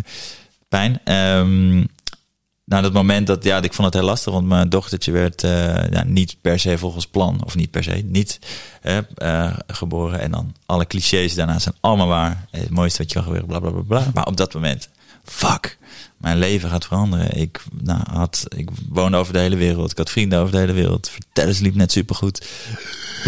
Vrijheid, mijn beste kernwaarde. Ik moet nu, huisje, boompje, beestje, wil ik niet. Nou ja, goed, al die dingen. Dus ja, eh, wederom eh, een hele grote eh, ja, leerschool uiteindelijk. Maar het heeft zeker pijn gedaan. Ik heb ook zeker verdriet gehad. En dat, wat doe ik nou? En mijn relatie koos ik eigenlijk ook vrij snel voor samen. Van oké, we gaan dit niet op de standaard eh, maatschappelijke manier. Hè, huisje, boompje, beestje doen. We gaan het anders doen. Ehm, Beetje zoals Jungle Book of...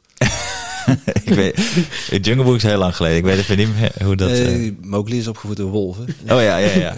Daar zat ik wel aan te denken, ja. Nee, geen wolven geworden. Nee, goed. Dus toen, eh, maar uiteindelijk ook met die keuze dacht ik ook van ja, zie ik mezelf nu dit doen in deze relatie voor mijn hele leven of voor vijf jaar? Ik dacht nee, dat zie ik niet. Dus oké, kan ik beter nu die keuze maken? Net als met die school en die dingen. Ik had al wat training gehad in, eh, nou ja, keuzes maken als ik het eh, echt wel zeker weet. Je weet het uiteindelijk altijd wel zeker. Je voelt ergens een stemmetje, maar dan probeer je dan overheen te praten van ja, maar moet ik het toch niet een kans geven, dit of dit of dat. Daar heb ik wel naar leren luisteren van, of eigenlijk niet naar leren luisteren van, je voelt op een gegeven moment echt wel van, dit is wat je gewoon moet doen en doe het gewoon. Het is super lastig. Dus toen wel die keuze gemaakt om, eh, ja, ja, om dat anders te doen. Pijn bij haar, pijn bij mij. En uiteindelijk nu eh, ja, ben ik ook heel trots hoe goed het gaat. Ook met mijn relatie met haar. Eh, mijn ex-vriendin dus, maar ook ja, met mijn kind en alles wat ik daar nu van leer en, en hoe mooi het gaat. Het gaat echt heel goed.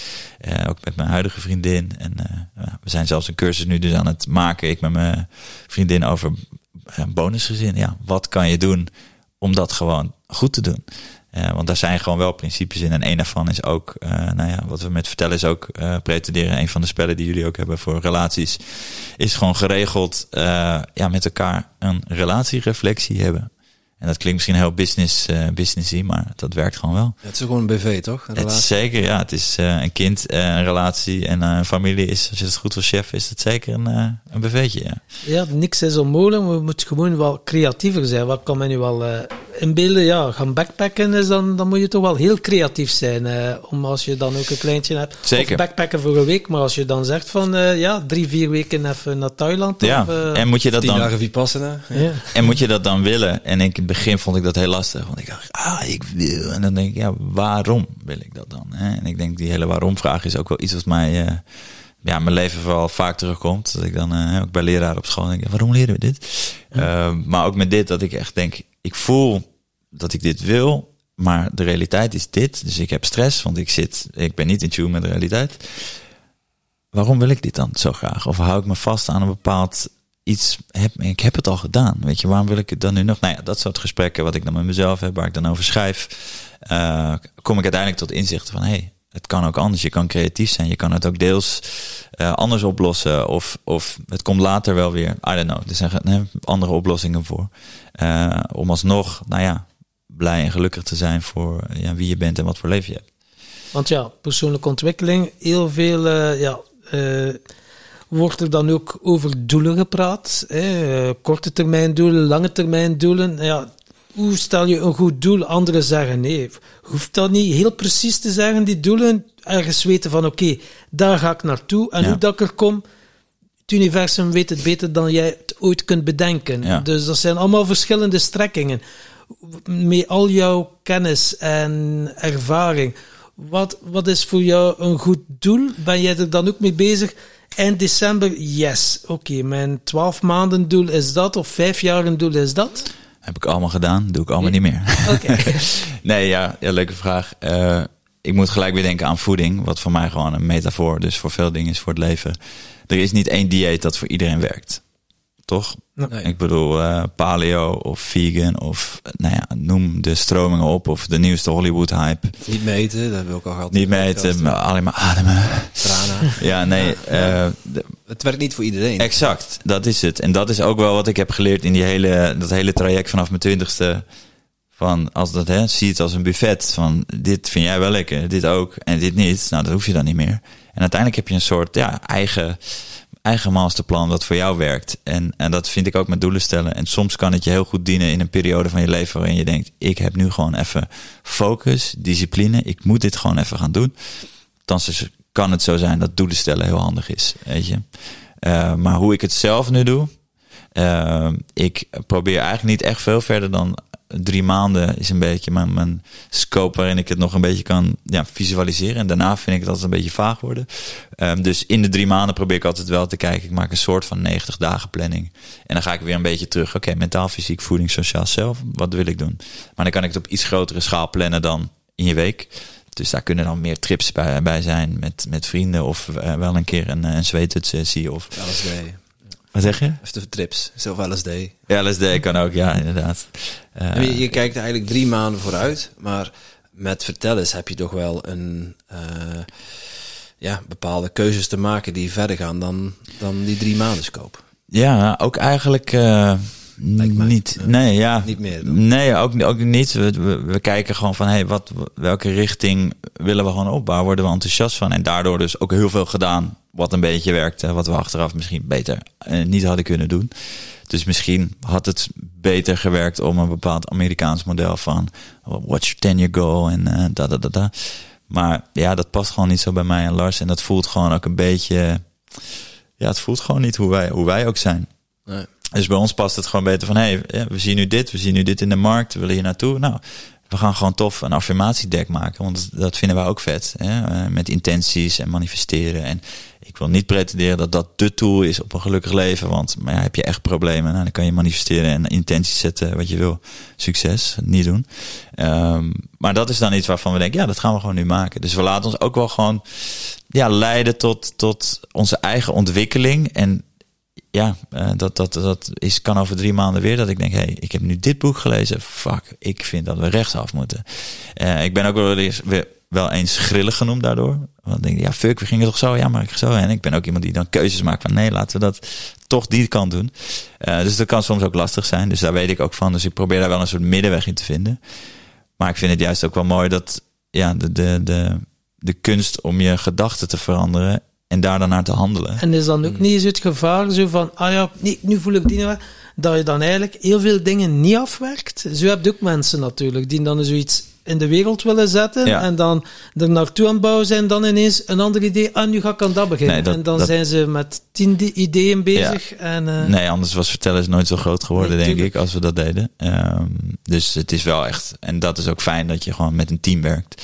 Uh, dat je dat met elkaar gewoon kan beslissen en doen. Dus laat Bart maar praten, dan luisteren we niet naar. Ja, precies, zoiets. nee, maar ik denk ook wel weer terug op, uh, ja, op, op dat stukje keuzes maken en, en durven te veranderen en daar dan voor te gaan staan. Want heel veel mensen ja, vinden het denk ik lastig spannend om te veranderen. Ook om een mening te veranderen en daar dan wat mee te doen. Uh, ja, en ik heb dat mezelf ik merkte gewoon in mijn leven door nou ja, die keuzes, die dingen die ik al heb genoemd, van hè, uh, niet studeren, sporten, uh, merkte ik, het brengt me eigenlijk altijd wel naar iets heel tofs. Ja, laat ik dat gewoon weer doen. En iedere keer merk ik van, nou, het is weer een nieuwe, nieuwe fase of nieuwe ontdekkingen die je dan doet met zo'n keuze. Dus ja, ik wil wel oppassen dat het niet te grillig wordt. We moeten wel een bepaalde stabiliteit hebben. Elk in mijn leven. Hè. Uh, ik ben nu een stuk stabieler. Ik heb gewoon een woning waar ik woon in Haarlem. In plaats van uh, overal. Um, dus dat zijn dingen die wel helpen. En met vertellers ja, willen we gewoon uh, zoveel mogelijk mensen inspireren. Uh, in meer connectie, meer positiviteit in hun leven brengen. En daar maken wij tools voor. En op dit moment zijn het kaartspellen en dagboeken onder andere. En uh, ook cursussen. Ja, ik weet niet of we dat over een jaar nog doen. Misschien is er dan wel iets nieuws waarvan ik denk... wow, ik ben hier heel enthousiast over. Ik denk dat dit heel veel mensen kan helpen. Dan gaan we dat doen als de rode draad, zeg maar, de, ja, wel is, nou, wat ik jullie nu ook een beetje vertel van. ja, dat het bij mij past en bij Lars past, dat het authentiek voelt en niet, uh, oh, dit is nu echt hot, we gaan nu, weet ik veel, puntje, puntje, puntje verkopen, want ik zie dat ze op uh, AliExpress, dat gaat door het dak. Nee, dat boeit me niet. Dus ik ben ook niet zo erg van, SEO, alles wat rankt het best en zo. Ik denk, nee, dit vind ik vet, weet je. Al koopt niemand het, nou, dan heb ik uh, eh, 2000 van die affirmatiedecks, best wel veel. Maar vind ik het in ieder geval leuk om zelf te doen, weet je wel. Ja. Dus dat... Uh, geen behangpapier als je ze stapelt. Uh. Wat zeg je? Hoef je geen behangpapier Ja, precies. Kijk, een mooi muurtje en dan... Dus dat is eigenlijk uh, ook de leidraad. Gewoon uh, ja, intuïtie, gevoel of geef het een naam van wat wij leuk vinden, wat wij tof vinden. Ook hoe wij ons leven willen leiden. En vertellen dient dat. In plaats van dat wij we gaan build a big business en ik wil dit worden en ik wil het verkopen en ik wil status. En mijn leven doe ik allemaal concessies om een belangrijke businesspersoon te worden. En de grap is, door dus wel te leven waarvan je denkt, ja, dit is gewoon wat wij tof vinden, floot het ook. En krijg je uiteindelijk ook, hè, de, om de term succes erbij te pakken, ja, voor de buitenwereld een soort, wow, jullie gaan goed, of dit of dat. Ja. Maar dat boeit ons niet. Weet je, we hebben heel lang ook gewoon ja, niks met cijfers of doelen of zo. Nooit gewoon. Ik vind het super inspirerend. Ja. Wij, wij zitten een beetje op diezelfde, uh, diezelfde manier te ondernemen. Ja. Gewoon organisch. En ja. als we iets doen, dan ja, het lukt dan wel, maar je voelt dan toch halverwege van. Hm, ja. Het kost me meer energie dan het me oplevert. En dan uh, het ook kunnen loslaten. Wel enigszins afronden. Het zijn allemaal wel, al de stapjes zijn altijd wel weer leerscholen geweest of inspiratiemomenten voor dingen die je dan nu gebruikt en die je dan nu in alle enthousiasme in de wereld kunt zetten. Nu zit Tim Tom, Tim Tom Festival uh, ja, ja, cool. aan, aan een tweede editie, extra extra large, buiten vorig jaar. Ja, ja. Ook weer helemaal anders en verlies onszelf helemaal in, de, in, de, in ons enthousiasme. Uh, hoe langer wij de tijd krijgen, hoe extremer het wordt.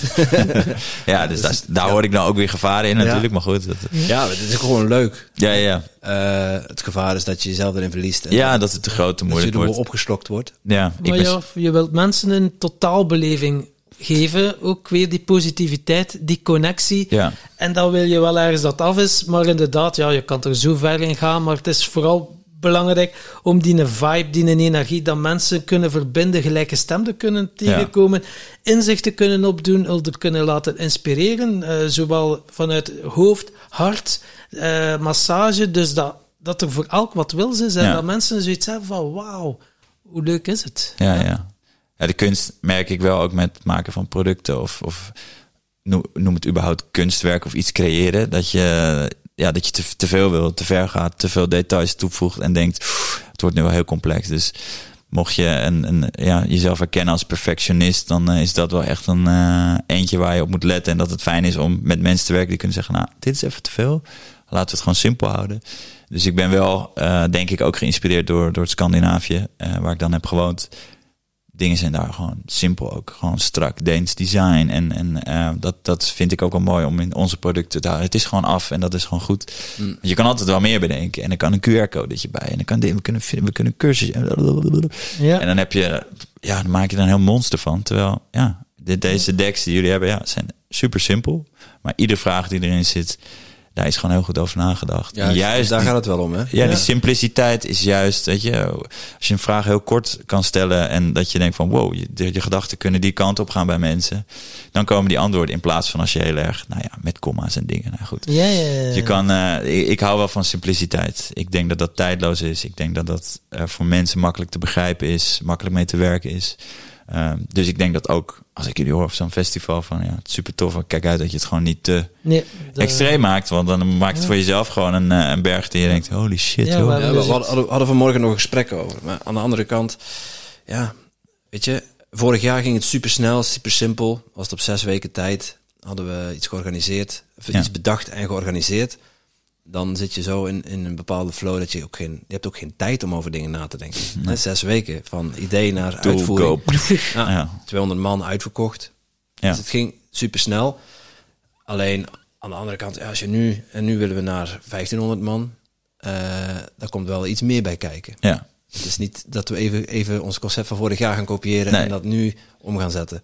En ik moet zeggen, ik krijg er wel heel veel voldoening van als ik dan denk van hoe gaat die dag eruit zien en eh, wat is er dan allemaal te doen. ja, Die, zoals jij net zegt, van er is zoveel op, op het gebied van persoonlijke ontwikkeling, is er zoveel te ontdekken. ja, En iedereen heeft zijn eigen manier om, om iets op te doen. ja. En wat je aanspreekt ja. als, We zeggen het vaker, want er is niet één route naar geluk en succes. Eh, of naar persoonlijke groei, of naar, naar wat je wil. En juist door, hè, door onze podcast heel veel onderwerpen aan te spreken en aan te, eh, aan te snijden, ja, bied je juist heel veel perspectieven. En Ja. dat wij met alles wat we leren aan de slag kunnen, dat is onmogelijk. Maar je pikt er elke keer uit wat je, wat je nodig hebt. En dat concept wil ik wel ook meedragen met, eh, met het festival. ja, En dat vraagt wel wat om, om erover na te denken, om het te ontwerpen. Maar dan alle, dat alle graspietjes recht moeten staan en eh, Ja. een bepaalde kant op moeten wijzen. Ja, dat, dat is weer de andere uiterste. ja, ja. Dat is dus zeker heel erg uit, eh, een uiterste. Maar Ja. dat, eh, Nee, ik vind, vind het wel een lastige balans zoeken daarin. Ja. ja, ja.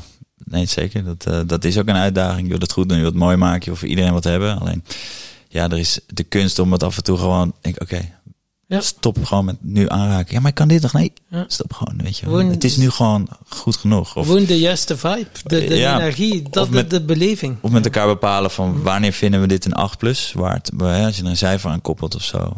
Hoe moet het er dan uitzien? Ja, en dat je dan ook met elkaar afspreekt. Dan is het ook gewoon genoeg. Ja. Want Je kan altijd een 9 of een 9,5. En ja, het is nooit genoeg. En dat eh, probeer ik in ieder geval wel. Op een gegeven moment denk ik, nu ben ik gewoon, dit gaat mensen helpen. Nu ben ik echt tevreden.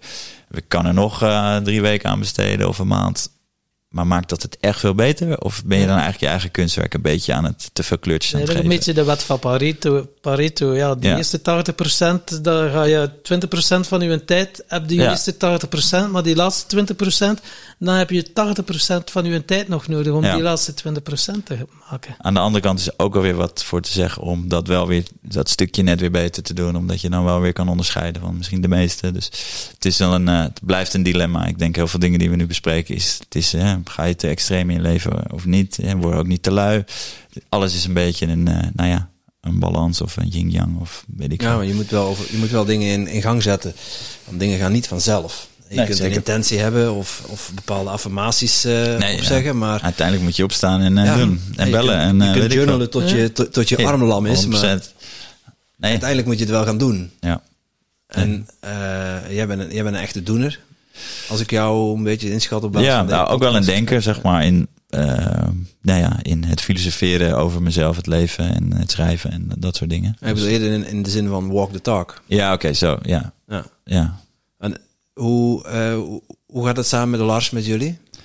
heel goed. Het, eh, ja, voor mij is een, een regel, eigenlijk heb ik ook al vroeg moeten leren in mijn, eerdere, nou ik kan het geen onderneming noemen, maar mijn poging tot, tot zelfstandig ondernemen in mijn, toen ik twintig was. Um, samenwerken. Vorig jaar toch? En vorig jaar, ja, precies. Uh, 13 jaar geleden. Nee, uh, met iemand samenwerken waarvan ik dacht, ja vet, het lukt wel, het kan wel, leuke gast. En uiteindelijk gewoon, fuck, dit werkt gewoon niet. We, we klikken niet. En nou ja, goed, we waren ook nog jong en bla bla bla. Uh, waarvan ik de les altijd wel meenam, oké, okay, weet je, het is wel belangrijk om daar wel goed over na te denken. En niet te onbezonnen uit een soort positiviteit alles maar met iedereen te doen. Uh, en voor mij is een belangrijke regel wel relatie over transactie. Ook met samenwerking die wij doen met Vertellis. Uh, ja, bijvoorbeeld met uh, David de Kok en 365 uh, samengewerkt. Een paar producten gemaakt. Uh, ja, voor mij is het belangrijk om eerst een goede klik of een relatie op te bouwen met iemand voordat ik een, een transactie doe. Dus ja, dat, dat heb ik met Lars vanaf het begin ook. We hebben dus samen dus ook gereisd. Nou ja, je leert elkaar niet beter kennen dan als je ja, in een klein hutje slaapt en, en noem maar op. Uh, dus dat was eigenlijk top dat we die kans hadden. En toen eigenlijk vertellers ook zijn doen. En in een nou, tijdbestek van uh, zes maanden op en af. We hebben dan uh, samen een maand, anderhalf maand op Bali gezeten. In een villa gehuurd, of een huisje gehuurd waar we dan konden werken. Uh, en dan ook, nou ja, sporten en dingen doen die ik dan hè, vanuit mijn hoek, die hij weer interessant vond. En hij kon mij weer een beetje helpen, waardoor we eigenlijk een hele goede band opbouwden. En toen dachten ik en hij ook wel van, nou, laten we een keer samen echt iets tastbaars proberen. En dat werd dus vertellers. En die relatie, ja, dat blijft net als een liefdesrelatie. Ook je businesspartner. Ik spreek Lars soms, uh, soms wel vaker in een week dan uh, mijn vriendin bijna. Ik spreek hem in ieder geval bijna. Ja, ja. Dus ja, hoe... En daar zijn ook gewoon tools voor om dat gewoon goed te houden. En uh, ik ben dan als misschien als Nederlander dan vrij uh, direct. Ik ben ook niet echt conflictvermijdend. Ik vind het ook fijn juist van, hey, ik voel hier, ik voel hier wat. Laat, wat is er, weet je, vertel gewoon, het is oké. Dus mensen, de goede vrienden van mij, die zijn ook, uh, die, die voelen zich ook open om dingen dan aan te geven. En ik ook bij hun. Dus dat is denk ik heel waardevol. Um, en dat heb ik met Lars ook. We hebben gewoon een relatie waarin hij heel goed met, nou ja, mijn soms wel uh, direct of, of, en dat probeer ik dan wel steeds beter te brengen. Hij gaat er altijd heel goed mee om. En, en andersom, uh, ja, durft hij ook gewoon dingen aan te geven waarin in het verleden wel eens geweest dat mensen dan dingen niet durven te zeggen. Of uh, dat maakt het gewoon lastig. En ja, door veelvuldig gewoon met elkaar wel in te checken. Hoe voel je je? Uh, vind je het nog leuk? Wat kan ik beter doen? Wat kan jij beter doen? Eigenlijk een soort 360 feedback sessie. Maar dan niet zo uh, scripted en business. maar gewoon op onze eigen manier. Eigenlijk ja, door elkaar goede vragen te stellen. Wil je dit nog? En hoe, hoe vind je vertellers nu? En de koers die we nu bepalen. En nou ja, het feit dat we dus gestopt zijn in Amerika, verkleind, wat inzoomen, vond ik heel lastig. Hij niet. Hij wilde dat heel graag. En uh, nou, we veel gesprekken over gehad. We zijn samen uh, naar Madrid geweest om daar dan, uh, en in een leuke stad, maar ook samen dan die tijd te hebben van oké, willen we dit dan nog samen aangaan? Nou, uiteindelijk dus wel voor gekozen. En nu, nu zijn we nu ja. lekker bezig verder. En ik hoorde jou zeggen, goede vragen. Daar hebben we mogen leren van, ja, toch een van onze mentors mogen we zeggen, voordat we straks naartoe gaan voor Maximum Potential, Michael Pilarczyk. En laat dan nu net onze laatste gast geweest zijn. Dus die heeft een vraag voor jou bedacht. Oké. Okay. Gezien. Leuk. Ja. Uh, voor, voor, de luisteraars, we hebben de volgorde een klein beetje omgewisseld. Dus, uh, ja. Maar, uh, wat, is het, wat is je grootste inzicht wat maakt wie je nu bent? Mooi, dan ga ik even plassen. Heb ik even één minuut om over na te denken. Is dat goed? Ja, helemaal prima. Mooiste inzicht. Daar ben je me wat is je mooiste, wat is je, wat is je grootste, wat is je grootste inzicht wat maakt wie je nu bent? Wat is jouw mooiste inzicht, Tom? Van deze podcast tot nu toe? Eh, heel moeilijk om eh, één, eh, één eruit te filteren. Er is al zoveel waardevolle content gegeven en heel veel waar ik enorm op re- resoneer en echt enthousiast van word. Maar gewoon voelen, waar word ik enthousiast van, wat vind ik leuk om te doen en dat dan, daar dan ook volledig voor te gaan. Dat is iets dat ja, mij ook enorm typeert. Als ik voel van, wow, daar word ik blij van. en Zo als een kind verwonderd, zo van, wow, gepassioneerd. Ja, dan is het eh, leuk om dat eh, te creëren. Zoals ons festival, bijvoorbeeld. Ja, inderdaad. Ja, maar natuurlijk, af en toe denk ik ook, oh my god, waar zijn we aan begonnen? Maar dan denk ik ook wel terug, aan onze eerste editie. En als ik dan zie al die blije, leuke, toffe mensen. En ook alle berichtjes die we gekregen hebben. Hoe dankbaar dan ze waren. Mooie vriendschappen. Er is business uit ontstaan bij sommige mensen die daar elkaar leren kennen. Dan denk ik, ja, daar doet het voor. Ja, wat het oplevert dan- is betaal, onbetaalbaar. en, dat is daar, en dat is dan inderdaad, dan denk ik, oké, al die uurtjes dat we nu bezig zijn, dan denk ik, ja, maar dat is toch ook wat dan we willen, de wereld wat mooier, blijer en vrijer maken. En dat is onze, ja, onze zielsmissie, inspireren. Het en kan niet anders. het kan ik. niet anders. Ja. Het wordt gedragen, zei Willem Glaudemans. Als mensen erbij willen zijn, www.timtompodcast.com festival. Ja. Want- En, eh, Ja, de tickets gaan hard en als het uitverkocht is, zijn we uitverkocht. Voilà, zo simpel is het ook, zie je. Ja.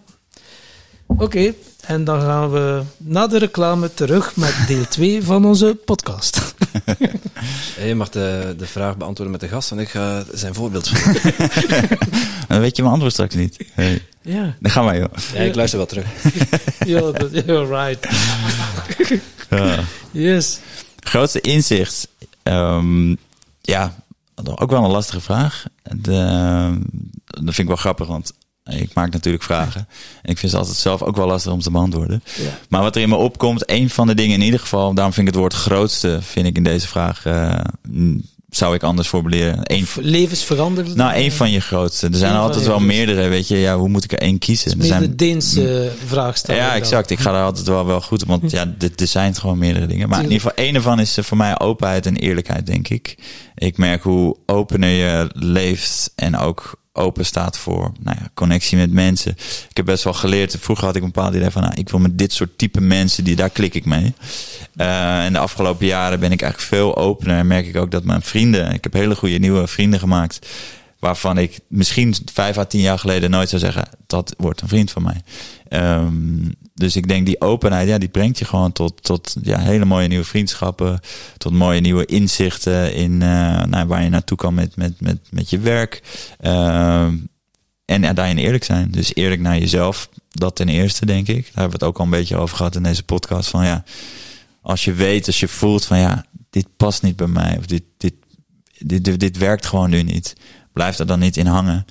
Eh, en wees gewoon heel eerlijk naar jezelf. En ook naar de ander die je daar misschien mee moet teleurstellen of iets. Maar dat, ja, dat, is, dan, eh, dat is dan aan de ander om daar dan mee te dealen. Als je maar, ja. En ja, dan bij openheid, hè, dan eh, denk ik ook aan die puurheid en die kwetsbaarheid. Door Ja. gewoon heel open te zijn Ja, en zeker. authentiek te zijn. Zeker, ja. En het is ook lastig en ook soms kwetsbaar en pijnlijk, weet je. Eh, eerlijk te zijn een ander, vooral als je iemand eh, hoog hebt zitten of andersom. Dat iemand heel eerlijk is naar jou, dat, dat kan je wel gewoon voelen. Maar uiteindelijk, ja, wil ik gewoon een leven leiden waarin ik heel open en eerlijk ben. En eh, ja, geen concessies eigenlijk wil doen op, op mezelf, op, op het leven, op anderen. Dus een concessievrij, eh, Ja. de microfoon valt. Concessievrij kun, leven. Kun je het antwoord nog eens herhalen? Wat zei ik ook weer? Geen idee. Nee, ik zei in ieder geval dat ik de Michael Pilarczyk's eh vraagstellingen kan beter. ja. Grootste zou ik eh, een van de grotere inzichten doen. En meer opener en eerlijker leven. Dat, eh, Ik heb het ja, ja, maar cool. dat is Zonder concessies. Naar, naar jezelf dan. Naar mezelf, ja, uiteindelijk is het altijd. Uiteindelijk is alles weer terug te leiden naar ja, je eigen binnenwereld natuurlijk. Alleen een concessie kan het gevolg hebben dat je iemand teleurstelt. Of iemand verwachtte dit van je en je doet toch dat. En daar gewoon ja, steeds meer. Ik vond, eh, kennen jullie Alfred Adler? Adler is een eh, psycholoog, een van de, zeg maar, je hebt Freud. Nou ja, goed. Ik. Ik, zat niet op school, dus eh, zo goed weet ik het ook allemaal niet. Maar in ieder geval, eh, hij zegt eh, separation of tasks. Dus het is gewoon, is dit jouw taak? Ja, dan own je dat. Is het, is het iemand anders taak? Dus hoe jij daarop reageert, is jouw taak. Dan is dat ook echt gewoon van die. En dan hou je het gewoon bij jezelf. Dus cirkel van invloed, weet ik veel, geef het andere namen. Maar dat helpt mij ook wel om te denken, ja, ik houd het gewoon bij mezelf. En hoe jij daar, als jij er emotioneel van wordt, of moeilijk, of dit. Dat ja, is ja, bij ja, jou. ja, maar dat is inderdaad wel het voelen van, oké, is dat stuk van mij? Mag ik er naar kijken? Of is dat die persoon, de emotie van die persoon? En hoe maak jij het onderscheid? Is dan echt wel naar binnen gaan en voelen van... eh, want dat was voor mij, eh, nu nog altijd lerende, nog altijd leerling, om me zo te voelen van, wow, dat is een stuk van mij? Of nee, dat is een stuk van die persoon. Om Ja. daar... eh, Ja, en vooral de mensen die heel dichtbij staan, eh, is het lastig. Vooral je familie. Een quote van uh, uh, nou, een spirituele leider van... Uh, If you think you're so enlightened, go spend a week with your family. Die vind ik echt heel treffend. Want dat vind ik, de grootste leerschool om daar inderdaad die separation te hebben met een, een andere relatie of een werkrelatie of zo. Is, vind ik het echt een stuk makkelijker dan als mijn moeder iets doet en denk ik, oh, uh, weet je wel. Dus ja, ja, dat is echt lastig. Zo dus ja. herkenbaar. Ik denk voor heel veel luisteraars. Ja, ja, ja daarom. Maar dat is, zie ik dan wel, weet je, dan... Uh, mijn band met mijn ouders is sowieso doorvertellen is. En nu zijn ze ook trots op me. Ook heb ik niet gestudeerd naar al die dingen. Um, dus dat is heel leuk. Dus mijn band is zeker daardoor ook gegroeid. Uh, en het hebben van een dochter en zij zijn opa en oma helpt ook erg mee. In ieder geval in de frequentie van elkaar zien, om een reden. En ik probeer het eigenlijk ook iedere keer denk ik, oké, ik ga nu weer naar mijn ouders. Training we gaan weer, uh, we gaan weer leren, zeg maar. En dan probeer ik daar dus nou ja, steeds wat meer van mezelf los te laten. En mijn oude ja, jongste van het gezin. En al die concepten die, uh, nou ja, hè, wat uh, hiervoor dit gesprek even kort over familieopstellingen.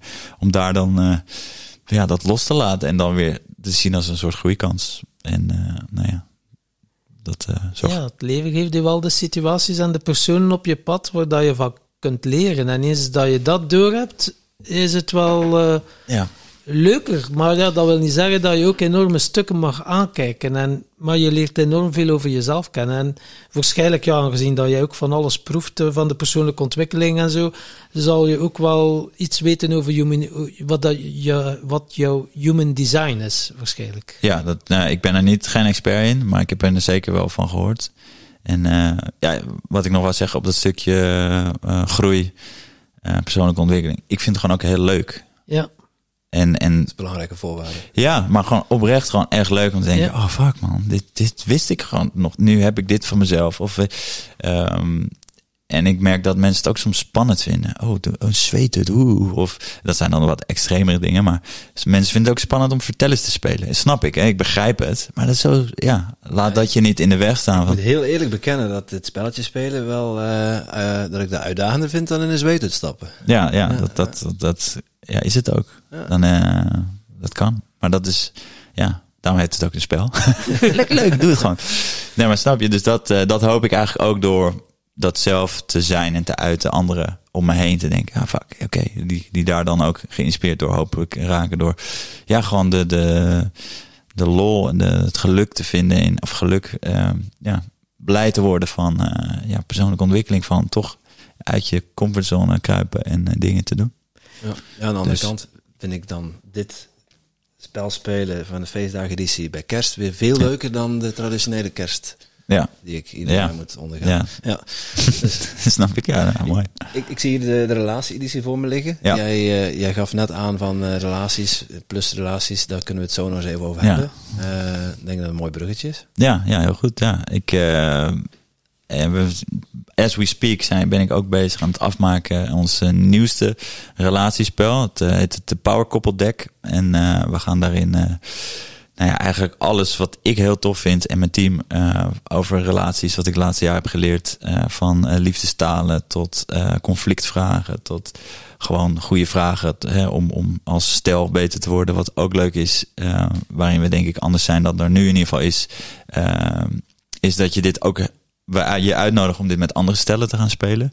En dat nodig ik je ook uit om dat met die te doen. Waarom? Het is zo leuk om van een ander stel hun gesprek te volgen van... Uh, ja, wij doen dit in een relatie of dat, of zus of zo. Of jij bent daar, hè, ik ben dankbaar voor dit voor jou. Of ik waardeer dit in jou. Dat je denkt met elkaar van... hey, oh ja, kunnen we ook wat van leren. Dus dat, uh, daar zijn we nu mee bezig. Dus ja, ik vind het thema relatie... Ik denk dat het een van je belangrijkste keuzes is... die je kan, ja, kan of moet maken als je een relatie aangaat... Uh, ja, wie is je partner? En uh, dat gaat heel veel bepalen, denk ik, voor je ja, geluk en welzijn. Uh, dus ja, daarom vind ik het een heel leuk thema om, uh, om ook producten voor te maken. Ja, sowieso. Ja, dan word je gespiegeld. Hè? dan pas, en het is pas, nu ervaar ik dat ook. Het is niet omdat Danielle hier nu bij zit dat ik dat je vertel.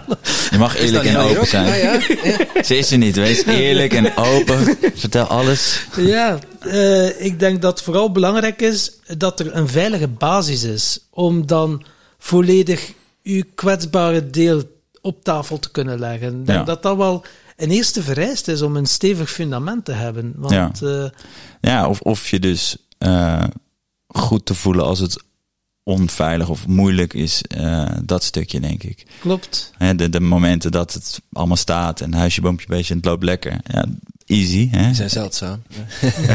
dat gebeurt bijna nooit. Nee, maar dat is de easy game, zeg maar. En de, de hard game, uh, ja, ik denk dat daar juist ook de magie ligt om. Uh, want die gaan we allemaal meemaken. Je krijgt ups en downs. Dat is gewoon een feit van het leven, een waarheid. Um, dus dat is, uh. Maar goed, het is zeker belangrijk. Vind ik hoorde jullie in een andere podcast over cirkels, een halve cirkels of zo met relaties praten. Ja. Wat bedoelden jullie daar? Ja, dat je, dat je moet zorgen dat je zelf een hele cirkel bent.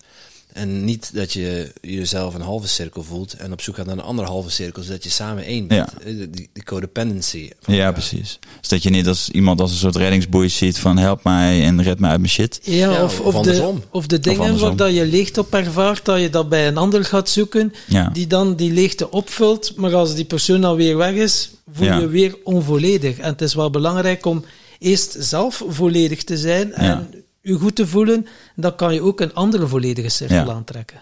Ja, nee, zeker. Dat, wat ik wel denk is dat langdurige liefdesrelaties, uh, het is eigenlijk een, ja, de, de, het wordt uiteindelijk je spirituele groeipartner als je het goed doet, denk ik. Want iedereen heeft trauma's mee vanuit zijn opvoeding. Hè? Mijn vader was dit of mijn moeder was te zo. En uh, uiteindelijk zoek je dan toch een partner waarin je dat dan zelf gaat leren via die ander. Dus ja, dat kan misschien voelen als van, ah, we, we matchen toch niet, we zijn toch niet dat cirkeltje. Of, of ah, ze, zij doet dit, zij doet dat. Maar ik denk juist dat, uh, ja, dat je partner je uh, uit je, je, je, je, je, je trauma's, je oudere laag kan helpen verliezen door de ander, echt voor de ander te zijn. Uh, dus ja, is, is dat dan wel een half cirkel? Is dat een hele cirkel? hoe, ja. Hoe zouden jullie dat zien? Ja, ik denk eerder dat je dan niet uh, um, elkaar nodig hebt om uh, rond te komen. Om compleet te zijn. Ja. Omdat je elkaar niet, niet misbruikt, maar dat je elkaar gebruikt om zelf die hele cirkel te worden. Ja, ja precies. Of elkaar daarin ondersteunt of uitdaagt. Ja. Dat, dus... dat zijn andere voorwaarden dan dat je aan elkaar zit geklit als een, als een magneet. Ja. En, Gewoon een ongezonde hechting eigenlijk. Ja, dat je die, uh, ja. Als je elkaar dan ook niet meer nodig hebt, dat je, dat, ja, dat je dan weer dat je dan weer zoekende bent, dat je weer van het pad af bent. Terwijl ja, precies. Als je, ja, als, als je voelt dat alles uit je relatie gehaald is en, en, en het is goed zo zoals het is en, en het was op een, op een goede constructieve manier, dan ga je ook op een goede constructieve manier uit elkaar, denk ik. Ja. Ja. Of niet? Ja, maar het is zoveel te ontdekken. en als je dan uh, het inderdaad, communicatie, dat is toch ik denk het toch wel het belangrijkste. Ja, wij hebben dit spel gedaan. Dit is ons tweede spel dat we hebben gemaakt. En ik weet nog goed dat ik, uh, ja, ook, ook, met mijn toenmalige vriendin en Lars uh, hadden het erover. Ja, ik zie zoveel mensen hard werken. In ieder geval in Nederland, hè. Dat, dat zal in België misschien ook zijn. Werken, werken, goede baan, een beetje status. En dan in een, s'avonds komen ze thuis. Nou, wat ga je dan doen? Netflix aan of iets. En dat is echt de, de, de minst effectieve vorm van connectie die je als stel kan gaan doen. Maar hoeveel mensen doen dat? Um, en het is ook wel logisch. Je bent moe en je denkt even gewoon even chillen samen. En dan in het, in het weekend, ja, dan moet je wat leuk doen. En je moet nog vrienden zien. Dus echt die quality time om met elkaar in te checken van hey, wat gaat er eigenlijk goed in onze relatie? Wat waardeer ik eigenlijk in jou? Uh, hoe doen we de financiën en hoe gaat het huishouden? Ja, dus, dus ook die praktische dingen. Daar, dit spel heeft dan een aantal rondes waarin je uh, je dromen deelt met elkaar, uh, je eigenschappen in het moment nu, maar ook, ook wat praktische dingen zoals de financiën en dingen kan bespreken ik merk dat heel weinig mensen dat deden. Totdat het echt gewoon gezeik was onderling. Je, nou, goed, eh, ruzie. En dan, dan werd er dan geconnect. Maar ja, dat is dan, dan heb je het over halve cirkeltjes. Uh, of maakt niet uit. Maar dan is het gewoon heel lastig om weer. Uh, nou ja, je had het over veiligheid. Om in ieder geval je goed te voelen van hé, hey, laten we hier even over praten. Ja. Dus uh, daar is dit echt een hele goede tool voor. En het wordt ook aangeraden door, uh, door relatietherapeuten inmiddels. Dat vind ik zelf heel leuk. Daar is het, nou, we hebben dat... Weet je, de paradontax van de persoonlijke ontwikkeling. Ja, ja zo kan je, we, hebben dat we hebben dat nooit aangeraden. En dat vind ik wel mooi van die... Als je dus die, die simpliciteit houdt in een product. Maar een stickertje op, hè? ja, precies. Koopt die beter. Ja, precies. Eh, die simpliciteit die zorgt ook voor dat er ja, ruimte blijft voor eigen interpretatie bij mensen. En dat er dus ja, het eigen, een eigen leven kan gaan leiden in dit soort eh, dingen. Maar vind ik wel een heel mooi compliment dat, dat, eh, ja, dat het wel gewoon mensen kan helpen. Van hey, in plaats van een Netflix, we gaan een spelletje doen. Ook leuk, ook een, een besteding. Maar uiteindelijk ga je gewoon uh, goede gesprekken met elkaar hebben. Het kan ook en-en. Je hoeft niet de hele avond naar Netflix te zitten staren. Ik bedoel, serie duurt, half uurtje, die kwartier. Als je bijeenhoudt. Ja, als je bijeenhoudt. En dan kun, je, dan kun je nog besluiten om de tv uit te zetten. En, uh... Ja, tuurlijk. Nee, helemaal mee eens. Maar het is meer van, om, hè, ik wil het ook niet zwart wit Je moet het nee, een of het nee, ander doen. Maar het is meer van de meeste uh, verkiezen het pad van de minste Juist. weerstand. Die gaan gewoon makkelijk. Wat is makkelijk? Wat is hè, de, de, de easy game, de hard game? Uh, dus dit is daar een tool voor om, om je ja, toch iets te geven waarin je dat doet. En ik denk als je er dan, uh, waar ik dan van hou, uh, is om wel te plannen daarin van oké, okay, wanneer maken we hier echt tijd voor? Dus wij doen geregeld een, een date night en dan, dan gaan wij naar een, een pizza tent die wel leuk waar we dan hè, bepaalde emoties of herinneringen bij hebben. Daar gaan. Ik zit ook al voor me. Dus, ja, nou, schat, ja, die pizza, die pizza. Vertel eens, vertel eens. Ja. nou, de grap is, we nemen een doosje mee. Vaak openen we het doosje niet. Want ja, ik ben natuurlijk een wandelende verteller en zij inmiddels ook.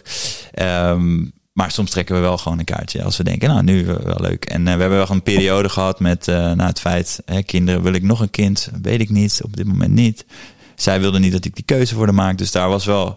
Nou ja, we hebben toen behoorlijk wat uh, relatie date nights gedaan. En daar ook een beetje terug wat ik ook heb in de journalen. Van ik denk, dit, we voelen nu de behoefte om dit even wat speed up de tempo. Dat wat vaker te doen. En heel veel, ja, echt hele goede gesprekken gehad. Ook met een lach en een traan. Uh, maar nu zitten we op een ja, hele fijne ja, frequentie waarin alles al besproken is en we elkaar heel goed begrijpen. En zij begrijpen bij mij waar dat allemaal vandaan komt. Van ik wil het niet, een trauma en on, on, hè, onverwacht een kind. En ik begrijp haar ook heel goed. Ik zie haar familiesituatie, mijn familiesituatie. Dus uiteindelijk helpt dat gewoon weer door het bewustzijn voor jezelf, maar ook als stel, waarin je een soort derde, ja, derde entiteit uh, ja, en het, maakt. Of een en team. Het ook allemaal aan elkaar. Hè. Bijvoorbeeld, ja, mensen die s'avonds zo, zo hè, alle dagen Netflix doen. Ja, veel kans dat ook heel veel mensen een voeding, dan ze daar ook wel iets kunnen uh, aan uh, verbeteren. Want dan heb je ook weer meer energie en meer helderheid om gesprekken te doen. Dat je niet zegt, ik heb echt geen ja. puff meer om iets te doen. Ja, ja, en, zeker. Uh, genoeg beweging, genoeg voeding. En ja, het hangt allemaal aan elkaar uiteindelijk. Zeker, ja. ja, ja. Pensioen zijn helpt ook. Ja, bijvoorbeeld. Wat, wat, zei je? Op pensioen zijn helpt ja. ja, dan heb je pas ja, echt tijd. Ja. Kan je ook wel uh, angst... tekort, toch? Of angstig maken. Dat je denkt, oh, waar is mijn meaning in life? Ik ben met pensioen, ik heb niks meer te doen. Weet ik niet. Ja, zou kunnen. maar dat is het uiteindelijk. Maar dan kom je weer, heb je nog een doel. Ik heb mogen uh, leren als ik... Uh, ja, te veel dronken en ik was ambtenaar. En dan, oké, okay, ik dacht, oké, okay, hoe kan ik stoppen met drinken? Ah, ik ga een marathon lopen. Dus ik had een doel, op zeven ja. maanden een marathon lopen. De, een doel, stoppen met drinken. Ik, wou dat, ik dacht, die gouden medaille, dat gaat alles veranderen in mijn leven. Als ik dat haalde, oh, mensen gaan kijken, amai, die een brakke, die kan ook nog wat anders dan uh, pinten drinken. En dan dacht ik, wauw, dat gaat mijn wereld veranderen. Maar ik merkte wel, ik heb hem uitgelopen, ja, aan mensen. Ik moet wel een beetje vooronderzoek doen. Ik dacht Lissabon, herfstzonnetje, maar blijkbaar is dat wel redelijk bergop. Want dat was een van de zwakste marathons. Enfin, ik loop hem uit. Weet je, ik met mijn Vipassana, ah, joh, kom maar goed. Het moeilijkste, uh, ja. En dan uitgelopen, medaille, leuk, aardig. En dan ineens geen doelen meer. En up, terug beginnen zuipen. Oh ja, dat even, is wel Ja, gebeurd, even. ja. En dan dat, ja, via hypnose, ik heb dat al verschillende keer verteld, Ja. wel uiteindelijk kunnen stoppen en dan weer dat pad. Maar dan voelde ik wel, wow, het is wel belangrijk dat je een punt hebt waar dat je naar kunt richten, dat je, dat je zingeving geeft van, oké, daarvoor Ja. leef ik op een manier. Want als in één keer niks meer is, ik zie wel wat dat een dag mij brengt, dan eh, kan je ook alle kanten uitgaan. Voor mij is het, uh, daarom waar je het eerder over doelen stellen en zo. Ja. En uh, nou, dat heb ik wel veel gedaan, maar dan krijg je inderdaad dit, een soort leegte daarna van what's next. En dan heb je altijd what's next en dan leef je in een what's next mindset. En dan ben je eigenlijk de hele tijd niet in het moment en de hele tijd met, met het doel bezig. Ja. Dus daar ben ik gewoon mee gestopt. Natuurlijk heb ik wel ambities, vind ik dingen leuk, er word ik ergens enthousiast van. Maar uiteindelijk is mijn doel gewoon iedere dag kunnen terugkijken op mijn dag. en Denken, nou, ik heb weer iets geleerd. Oftewel, hè, die, je doel, ja, als je dat woord wil gebruiken, naar binnen stelt. Van hoe kan je iedere dag, nou ja, ook eh, ja, groeien. En is 1% of een halve procent of 0,0 weet ik veel. Beter zijn dan, eh, dan hoe jij was de dag ervoor. Ja, 1% groei, 99% fun. Oh, nou Dat is ons motto. Ja. Oh ja, nou ja, ja, mooi motto. Ja. Maar daar sluit ik wel bij aan. Ik denk dat dat de, in ieder geval voor mij werkt als om toch een doel te hebben die niet afhankelijk is van what's next, maar gewoon bij mezelf te kijken van, nou ja, en ook voor mezelf af te vragen wat, wat voor persoon hè, wil ik dus zijn als ik dus doodga. Wat wil ik dat, ja, ja, wie wil ik zijn? Wil ik Ja. iemand zijn met nog oude trauma's of iemand die eh, andere mensen negatief of ja, noem maar dingen op. Nee, dat wil ik niet. Dus moet ik daar aan gaan werken. Dus leuk, fun, persoonlijke ontwikkeling. En dan gaan we daar. Ja, het is een beetje in een ander sausje, hè, van wie wil ik zijn, ah, zo wil ik zijn, en om daar te komen, wie of wat heb ik allemaal nodig om zo'n persoon te worden. Oké, dan mag ik gaan kijken naar mijn voeding, mag ik eh, zien naar mijn beweging. Dus uiteindelijk is het ook wel niet zo concreet van doelen stellen, maar wel een gevoel van, ah, die persoon wil ik zijn, en Ja. daar naartoe werken. Ja, ja precies. Ja. Eigenlijk is bij die persoon al. Ja, die zit wel ergens in jou, maar het is dan hem wel... Ja, je moet het voeden, toch, denk ik? Ja, je voeden. moet het juiste voeden. Inderdaad, Ja. je, je, je, je bent, of althans, je hoeft niet iets, je hoeft geen eh, iets van buitenaf te kopen en dat in, in te impla- implementeren om dat dan te worden. Eh, maar je moet het wel voeden en laten voeden. groeien, denk ik. Dat, Ja. eh, en dat is inderdaad, nou ja, wat ik al eerder zei, die mentaal, fysiek, voeding, sociaal zelf. Dat zijn voor mij pijlers die heel erg werken om, nou ja, die voeding eh, in balans te houden. En soms heb ik een week waarin de ene denk, oh, volgende week kan daar meer aandacht in. En dan kan we daar weer aandacht in. Ja, ja, want dan is het wel, ah, ben ik nog in de juiste richting, op het juiste Ja. pad. Het is toch ergens van dat je zoiets hebt van, oké, zo wil ik mij voelen. Ja, dat, is wel dat, mooi. Dat werkt Dat voor mij met doelen voelen. Ja, Ja. Eh, En met de journalen werkt voor mij dan. Het is als een soort thermometer dat je af en toe. Dat is voor mij ook zelfreflectie. En af en toe pak ik dan ook een moment dat ik denk: oké, ik ga nu echt lang in mijn eentje naar het bos of naar de duinen. Doe ik een, dan heb ik zo'n pocket journal. En dan laat ik gewoon zonder afleiding, geen muziek en zo. ehm, denk: oké, wat, wat komt er nu op en wat gebeurt er nu? Of ik ga dan in mijn eentje eh, nou ja, op reis. Nou, in ieder geval iets in je eentje doen in de natuur of naar een nieuwe plek. Dat helpt mij wel heel erg om dan. eh, nou ja, even uit te zoomen als een soort, nou ja, om weer de game metafoor te gebruiken, een soort third-person view van, oké, ga ik nog wel de juiste kant op? Of hè, wat helpt mij wel, wat helpt mij niet? En ik denk dat dat ook wel een belangrijke is voor, denk ik, veel mensen die in een soort, nou ja, maatschappelijk stramien of routine komen van, iedere week lijkt een beetje op elkaar. Dat het denk ik belangrijk is om daar gewoon af en toe uit te kunnen stappen. ja, en nu heel veel luisteraars die denken, ja, ja, dat is allemaal leuk en aardig, maar je hebt dan misschien zo een partner die er ook voor open staat om dat te doen. Maar ik met mijn partner, ja, we zijn toch al 20, 25 jaar samen en we hebben ook wel leuke dingen dat we gemeenschappelijk hebben delen. Maar eh, ja, daar moet ik niet mee afkomen. Ja. Wat tips kunnen we aan die luisteraar geven? nou, ik heb voor mezelf een soort eh, regel, of regel klinkt heel streng, maar eh, be positive, go first. En dat zo wil ik eigenlijk leven. Als ik iemand op straat zie, wil ik zeggen hoi. Vind ik leuk. En dan kijk, kijk wel of iemand anders hoi terug. Maar niet in de afwachtende houding van... eh, nou, ik wil dat die eerst verandert voordat ik dan wat doe. Of ik vind dat juist zo, zo. Nee, als ik denk, nou, ik, wil iets samen. Of hè, in jouw geval, ik ben 25 jaar, wij zijn samen. En ik denk, weet je wat? Be positive, go first. Ik ga dit, ik ga een vertellen spel kopen. Of ik ga eh, ja, een, een, een, een boek lezen over dit onderwerp. Een podcast luisteren over dit onderwerp. En dat dan ja, delen, bijvoorbeeld. Dat zou de manier zijn. Maar in ieder geval, ga gewoon eerst en wees niet ja, de slachtoffer of afwachten totdat je denkt, nou, maar hij doet ook nooit wat. Hij vindt het moeilijk of dat soort dingen. Nee, je hebt zelf je verantwoordelijkheid te nemen. Ja, ja, en dat zien als gewoon een spelletje. Dat je uiteindelijk weet dat je mensen mee kan nemen of inspireren. Zelfs iemand waar je 25 jaar wat lastig is, heel lang geleden. Die kan je meenemen door zelf het, het voorbeeld te zijn. En zelf positief en eerst te zijn in, eh, ja, in de, de verandering die je in de wereld wil zien. Dat is wel een mooi mantra. Be Ja. positive, eh, go first. Ja, dat werkt gewoon eh, lekker. Dat is gewoon een mantra mooi. die ik in mijn hoofd... Ja, Ja, een affirmatie eh, die ik in mijn hoofd heb van... eh, Voor iemand die niet gestudeerd heeft, heeft wel kan hij wel veel quotes opleveren. ja, mooi hè? Daarom, niet studeren, gewoon zelf boeken lezen. Hey, wat, wat mij enorm helpt daarin, en be positive, go first. eh, inderdaad. En eh, wees daarbij ook mild. Hè? Mild voor, voor jezelf, Ja. voor je omgeving. Ja, wat, wat ik daarin zelf heb moeten leren is eh, geduld. Vind ik heel lastig. Ja. Oh, ja. moeilijk, hè? Fuck. Ja, echt. Nou, vertel eens Bart. Ah. Hoe doe je dat? Ja, ja. ja, ik denk bij mij sowieso met de jaren ben ik geduldiger geworden. Omdat ik merk dat het mezelf gewoon altijd frustreert als ik ongeduldig ben. Eh, en ik wil gewoon niet gefrustreerd zijn. Want uiteindelijk duurt dan iets nog langer dan dat je het wilde. Dus ja, door trial and error gewoon geleerd van joh. Hè, en eh, ook nog, om nog een quote te noemen van Lao Tzu. eh I have three things to teach. Eh, patience, simplicity en compassion. Nou, dat stukje patience, die, daar ga ik wel aan. Ehm, dus dat is denk ik gewoon een hele belangrijke om dat ook als affirmatie dan te gaan hebben dagelijks of in je journal te schrijven. Ik ga vandaag geduldiger zijn voor mezelf, voor anderen. Oké, let's go. Einde van de dag. Is Bart, is het je gelukt om vandaag geduldiger te zijn? Wat gaat er goed? en Wat kan er beter? En dat zijn dan de dingen waardoor ik daarin best wel veel groei heb ervaren. Als ik denk een bepaald thema, daar wil ik beter in worden. Dan, eh, ja, dan wordt dat thema mijn affirmatie. Ga ik daarover schrijven? Check ik het bij mijn vriendin? Hè? En eh, ja, we hebben nu bijvoorbeeld bij mijn vriendin, een kleine sidestep, een, eh, uit een boek ook. En dat zit ook in ons nieuwe koppeldek. De Zero Negativity Pledge, waarin we met elkaar dus afspreken, geen negativiteit. En ze mag dus bij elkaar zeggen van, hey, negatief min 1. En het kunnen ook kleine dingetjes zijn. ja, maar het is best wel lachen. Leuk. Het is best wel lachen dat als je dat dan doet. Ja, ja, een buzzer kopen, hè? Dat, En dan bijvoorbeeld... En, gewoon een ideetje gewoon voor de, voor de verpakking. Gewoon ja, een goeie, goede bussen erbij. Kan je dan voor een tientje meer krijg je een bus. Juist. Check. Nee, maar dat is wel, eh, dat werkt gewoon goed. Waardoor, ja, een flauw voorbeeld, gewoon iets kleins. Het zijn ook grotere dingen natuurlijk. Maar dan, eh, ja, die, die final eh, episode van Puntje Puntje serie. Vond ik wel matig, zei ik. Ze kijkt me aan.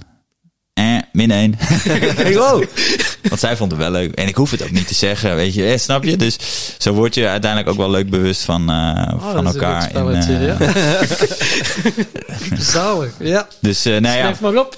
Maar dat komt voort uit het, de theorie van de high mood therapy. Dus belangrijk is met een relatie dat je niet heel erg van, oh, wat gaat er allemaal niet goed? Oh, dit is een probleem in ons. En de hele, tijd het inzoomen, het groter maken eigenlijk van een probleem. Eh er was ook in dat boek soms een stuk over een manager. Die dacht, weet je, we gaan lekker open zijn met z'n allen in mijn team. In mijn team wel. Dus we gaan iedere dag of iedere week, één keer per week, einde van de week gaan we, mag je delen. Alles wat er niet goed gaat. Nou, in het begin had niemand echt wat te delen. Hij, kom op, joh, even zoek maar, zoek maar, zoek maar. Nou, week erop een beetje, een beetje. Nou, je kan al een beetje raden waar het heen gaat. Steeds meer negativiteit en, en dat hele team begon slechter te draaien, begon op elkaar te zeiken. En toen is hij daar dus ook volledig mee gestopt. En dan uiteindelijk zijn ze weer naar een positieve team geweest. Dat je denkt, ja, delen, je shit delen. om weer die halve cirkels, cirkels en zo. Eh, soms is het gewoon ook goed om het te ownen en eh, ja, positief te blijven. Want uiteindelijk word je dan positiever. En dan gaan die problemen dat je denkt, was dit nou echt een probleem vorige week voor mij? Nee. Hm. Dus dat is eigenlijk wel eh, de, de tool om dat te bereiken als, Mooi. als stel. Ja. En ik vind dat heel leuk. En eh, Ja. ja. dat is dus eigenlijk ook wat we met vertellers willen doen. Ook enorm. Ja, door positiviteit inderdaad gaan problemen soms vanzelf verdwijnen. Maar zoals je het zegt, het ownen en Ja. het elke keer te, te zeggen en het weer te zeggen, blijft het ook in stand. Maar ja, soms heb je misschien ook wel wat verwerkingsproces nodig om het een keer te delen. Natuurlijk, het is nu Zeker. niet van... eh, het is weer die dat je balans moet opkroppen en Ja. zo van, ja, dat is dan, en beginnen zuipen om het, eh, weg te drukken. ja, om het weg te drukken. Dus ja, dat is voor elk wel gaan voelen van wat werkt voor mij. En het allemaal in Ja. een positief sausje gieten. Ja, Ja, maar dat ik, wel op een Ik denk manier. ook dat je je problemen, je uitdagingen, je zorgen positief kan delen. Ja. Ehm, en ik denk dat daar een, een verschil zit, denk ik, bij de meesten. Dat is een essentieel verschil. Ja, en ik denk als je daar dus bewust van wordt, ook door dus zo'n hè, zero negativity, negativity met elkaar af te spreken, dat je denkt, oh, we hebben een, jij zit ergens mee, tof, we gaan samen. In plaats van dat iemand thuis komt naar zijn werk en denkt, nou, die collega, die is echt de kut. Ja. Dat, eh, ja, zo ging het wel eens bij mijn ouders thuis. Dat, eh, Ja. dat mijn moeder dan tijdens het avondeten over eh, het gedoe van de collega's, denk ik, pff, ja, dit is niet een lekkere vibe om, ik als kind, maar ook als, als partner. Dus ja, ik heb gezien hoe, hoe ik vind dat ik hè, merk dat ik dat het niet, denk ik, moet. En het ging ook heel vaak wel heel goed hè, thuis natuurlijk. Ja. Maar goed, momentjes van. En eh, ja, dat, eh, dat wil ik anders doen. Ja, en, eh, positiviteit en humor uiteindelijk. Hè. Humor helpt ook wel, hè, want serieusheid is, ik zeg het regelmatig, serieusheid is de meest ernstige ziekte van deze tijd. En dan moet je ermee wortel Ja. en al uittrekken uiteindelijk. De uitdaging is wel dat je dan weer die eerlijkheid naar jezelf van ben ik nu humor omdat ik het een beetje Ja. eh, weg wil lachen? Want ja, ik vind het eigenlijk heel spannend. Ja. Oeh. Ja, ja, ja. En, en dat is, nou ja, wat ik eerder zei, die balans, weet je, bij jezelf inchecken. Ben ik eerlijk geweest nu? Is het, is het, ben ik positief omdat ik dat, hè, kan dat? Of Mooi. ben ik eigenlijk gewoon, ja, kwetsbaar vind ik het lastig? Hoe vind ik het wel weer lastig om over het onderwerp kinderen en bonusfamilie te praten met mijn vriendin? Ja, om een voorbeeld bij mezelf te houden dan. Nou ja, die incheck aan het einde van, van de dag of, of de dag erna. eh, ja, dat is voor mij wel key om die eerlijkheid en openheid met jezelf te behouden. En dat dit dus werkt en dat je niet denkt, ah, lekker grapjes maken. Hé, hey, nee, we zijn toch altijd positief, schat. Er is geen gezeur in onze relatie. En dat bestaat niet. ja, ja, Dus dat, eh, ja. dat is denk ik wel een belangrijk. En dat blijft een uitdaging, denk ik. En soms doe je het fout, of fout, hè, doe je het te positief, terwijl je misschien wat kwetsbaarder kon zijn. Ja, ja, ja. Other way around. Ja. Ja, het is ook een, de balans die je net zegt. Van, het, is, het is heel gezond om in een relatie je hart te kunnen luchten. ja. Eh, maar als je, als je drie of vier keer hetzelfde gaat zeggen, dan, eh, dan ben je aan het klagen. Hè? Ja, ja, ja.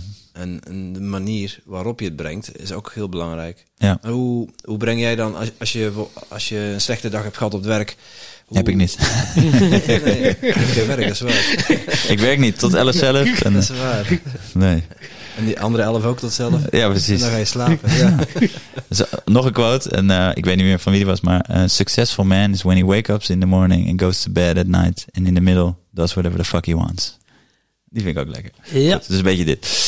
Maar goed, alsnog werk, ja, nee, ik snap je vraag. En je- wilde je vragen dat, wat, wat ik dan doe? Nou ja, van, van, hoe, op wat voor Hoe deel manier... ik dat? Hebben we ook zero negativity. Eh, Ja. hoe, hoe breng je dan, als je toch je hart wil luchten, hoe breng je dat op een positieve manier Nou ja, door dit te doen, word je gewoon de negativiteit opwerken of de uitdaging of de, de shit of de pijn. Die ga je niet meer zo voelen. Je wordt gewoon dat je denkt, Oeh, weet je, ik, dit heeft me ja, wel wat energie gekost. Ik ben wat moe, maar veel geleerd. Of je gaat het uiteindelijk ook anders, denk ik, ervaren dan echt van, oh, wat die zei tegen me. Maar goed, tuurlijk hebben wij momenten gehad. We hebben met business partners eh, gestopt en verkocht en dingen en zo. Wat eh, toen allemaal voor de eerste keer was. En best wel, ja, ook, ook hè, mensen die vonden dan dat ze ergens iets recht op hadden en wij weer niet. En nou ja, hè, wel, wel dingen gehad natuurlijk, waar ik dan best dacht, oké, journalen nu. Ehm, ja, en dat dan toch eerst een stukje zelf, uh, zeg maar, ik wil het niet helemaal ongefilterd delen. Ik denk dat dat voor mij het belangrijkste is. Dat ik niet denk, nou, dat ik er zelf nog niet heb over nagedacht van, nou schat, wat is er, weet je wat, dat niet. Maar eerst even dat momentje, oké, ik voel nu uh, ja, best wel pittig uit dit gesprek of deze dag. Ik ga eerst even zelf een rondje lopen, even journalen, even kijken van wat, wat, hoe zie ik deze situatie en hoe kan ik hier alsnog dankbaar voor zijn. En dan het gesprek aangaan met mijn partner. En daarin wel gewoon delen van, ja, het was best wel kut voor die persoon. En ik zit er best wel mee. Uh, ja, nou, vul de details in. Ja, eerst zelf processen. Ja, ja. en misschien niet helemaal, maar in ieder geval even de, de, de grootste emotie of waas er even af. Dat je wel weet van, ik zie het nu zelf ook. En het is kut, maar ik ben er ook alweer dankbaar voor, want dit gaat me wel weer verder brengen. En als ik dat gevoel een beetje heb, oké, okay, dan, dan vind ik het wel fijn om... Uh, om het te kunnen delen en dat je partner wel weet van ja, als ik wat stiller ben vandaag of als ik iets korter af ben, weet dat er veel in mijn hoofd omgaat en dat is hierom. Dus dat ja, is dan. Uh... Want ja, ik denk ook in veel relaties, je kan het dan wel, uh, hey, luisteraars zullen dat wel herkennen. Je bent dan positief of met, op dat pad van persoonlijke ontwikkeling, positief. En je wilt die sfeer ook overbrengen bij je omgeving. Ja. Maar ja, dat kan soms een averechts effect hebben. Als je dan zo altijd happy de peppy rondloopt. Ja, en ja. Hoe ga je daarmee om? Ja, het kan moeilijk zijn. Oké, okay, zoekt u een andere partner. Dat kan ook bijvoorbeeld. Maar ja, dat is het dan ook weer een geleidelijk proces, vermoed ik dan. Om dan mensen ook dat gevoel te laten ervaren. Maar je hebt toch altijd mensen die zien, het glas is al leeg.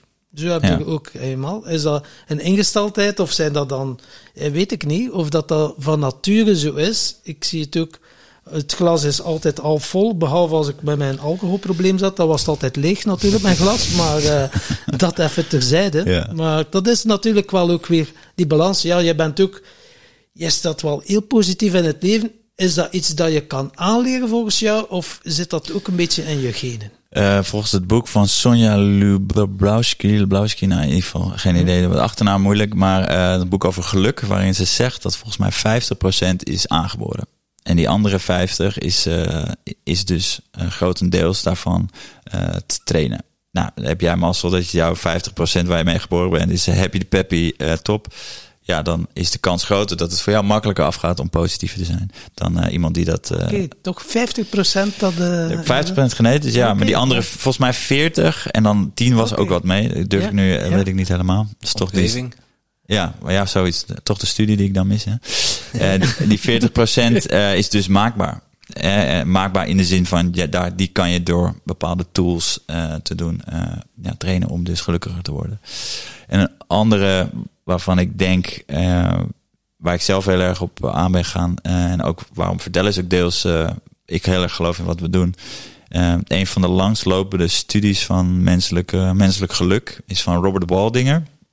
En die heeft dat stokje overgenomen van, het is uit Amerika, van een, ik weet niet, Harvard of iets van die scholen. Uh, waarin ze mensen hebben onderzocht vanaf 19 nog wat naar, naar nu, zoveel jaar later. Wat zijn nou de pijlers waarom sommigen gelukkig gezond oud werden, anderen niet? Uh, en ja, de rode draad, die raadt misschien al, is connectie, goede relaties.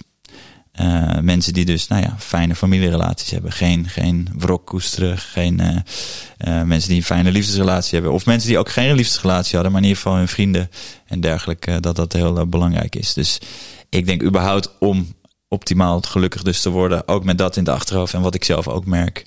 Ja, is gewoon een goede connectie met, ja, met nieuwe mensen. Maar ook met ja, je familie, je vrienden. En daar dus be positive, go first in te zijn. En jezelf dus, ja ja, ja, maar ook dat, dat stukje dus regel het ook, weet je, zorg voor initiatief, meer dat. Want mensen zijn best wel druk. Ik weet niet, hè. Ik heb ook wel vrienden om me heen die ook uh, ja, veel uit het leven willen halen. Dan is het wel fijn als iemand ook zegt van jongens, dan en dan organiseer ik wat. En dan doen we dat en dan doen we dat. Dus dat is ook wel, uh, ja, wel iets wat daaraan bijdraagt. Dus door het horen van die podcast ben ik, of podcast, sorry, zijn, uh, zijn onderzoek, was een TED-talk uh, ben ik wel nog meer aan het denken gezet van, ja, ik, als dit me geluk maakt, hè, mijn zoektocht, mijn GPS naar geluk, dan uh, wil ik dit ook ja, gaan organiseren en regelen. Dus uh, nou ja, volgende maand dus iets gepland met een groepje vrienden. En ik hou wel van mensen bij elkaar brengen. Ja, heel leuk. En onze podcast gaat over geluk prachtig natuurlijk. Dus ja, ja. prachtig bruggetje. En aan elke, ja, aangezien dat jij fervente fan bent van onze podcast, weet je het al, dat we standaard twee vragen stellen. En dat is, uh, wat is jouw definitie van geluk? Of hoe, wat betekent geluk voor jou? Ja, ik heb hem eigenlijk net al een beetje uh, Inderdaad, ja.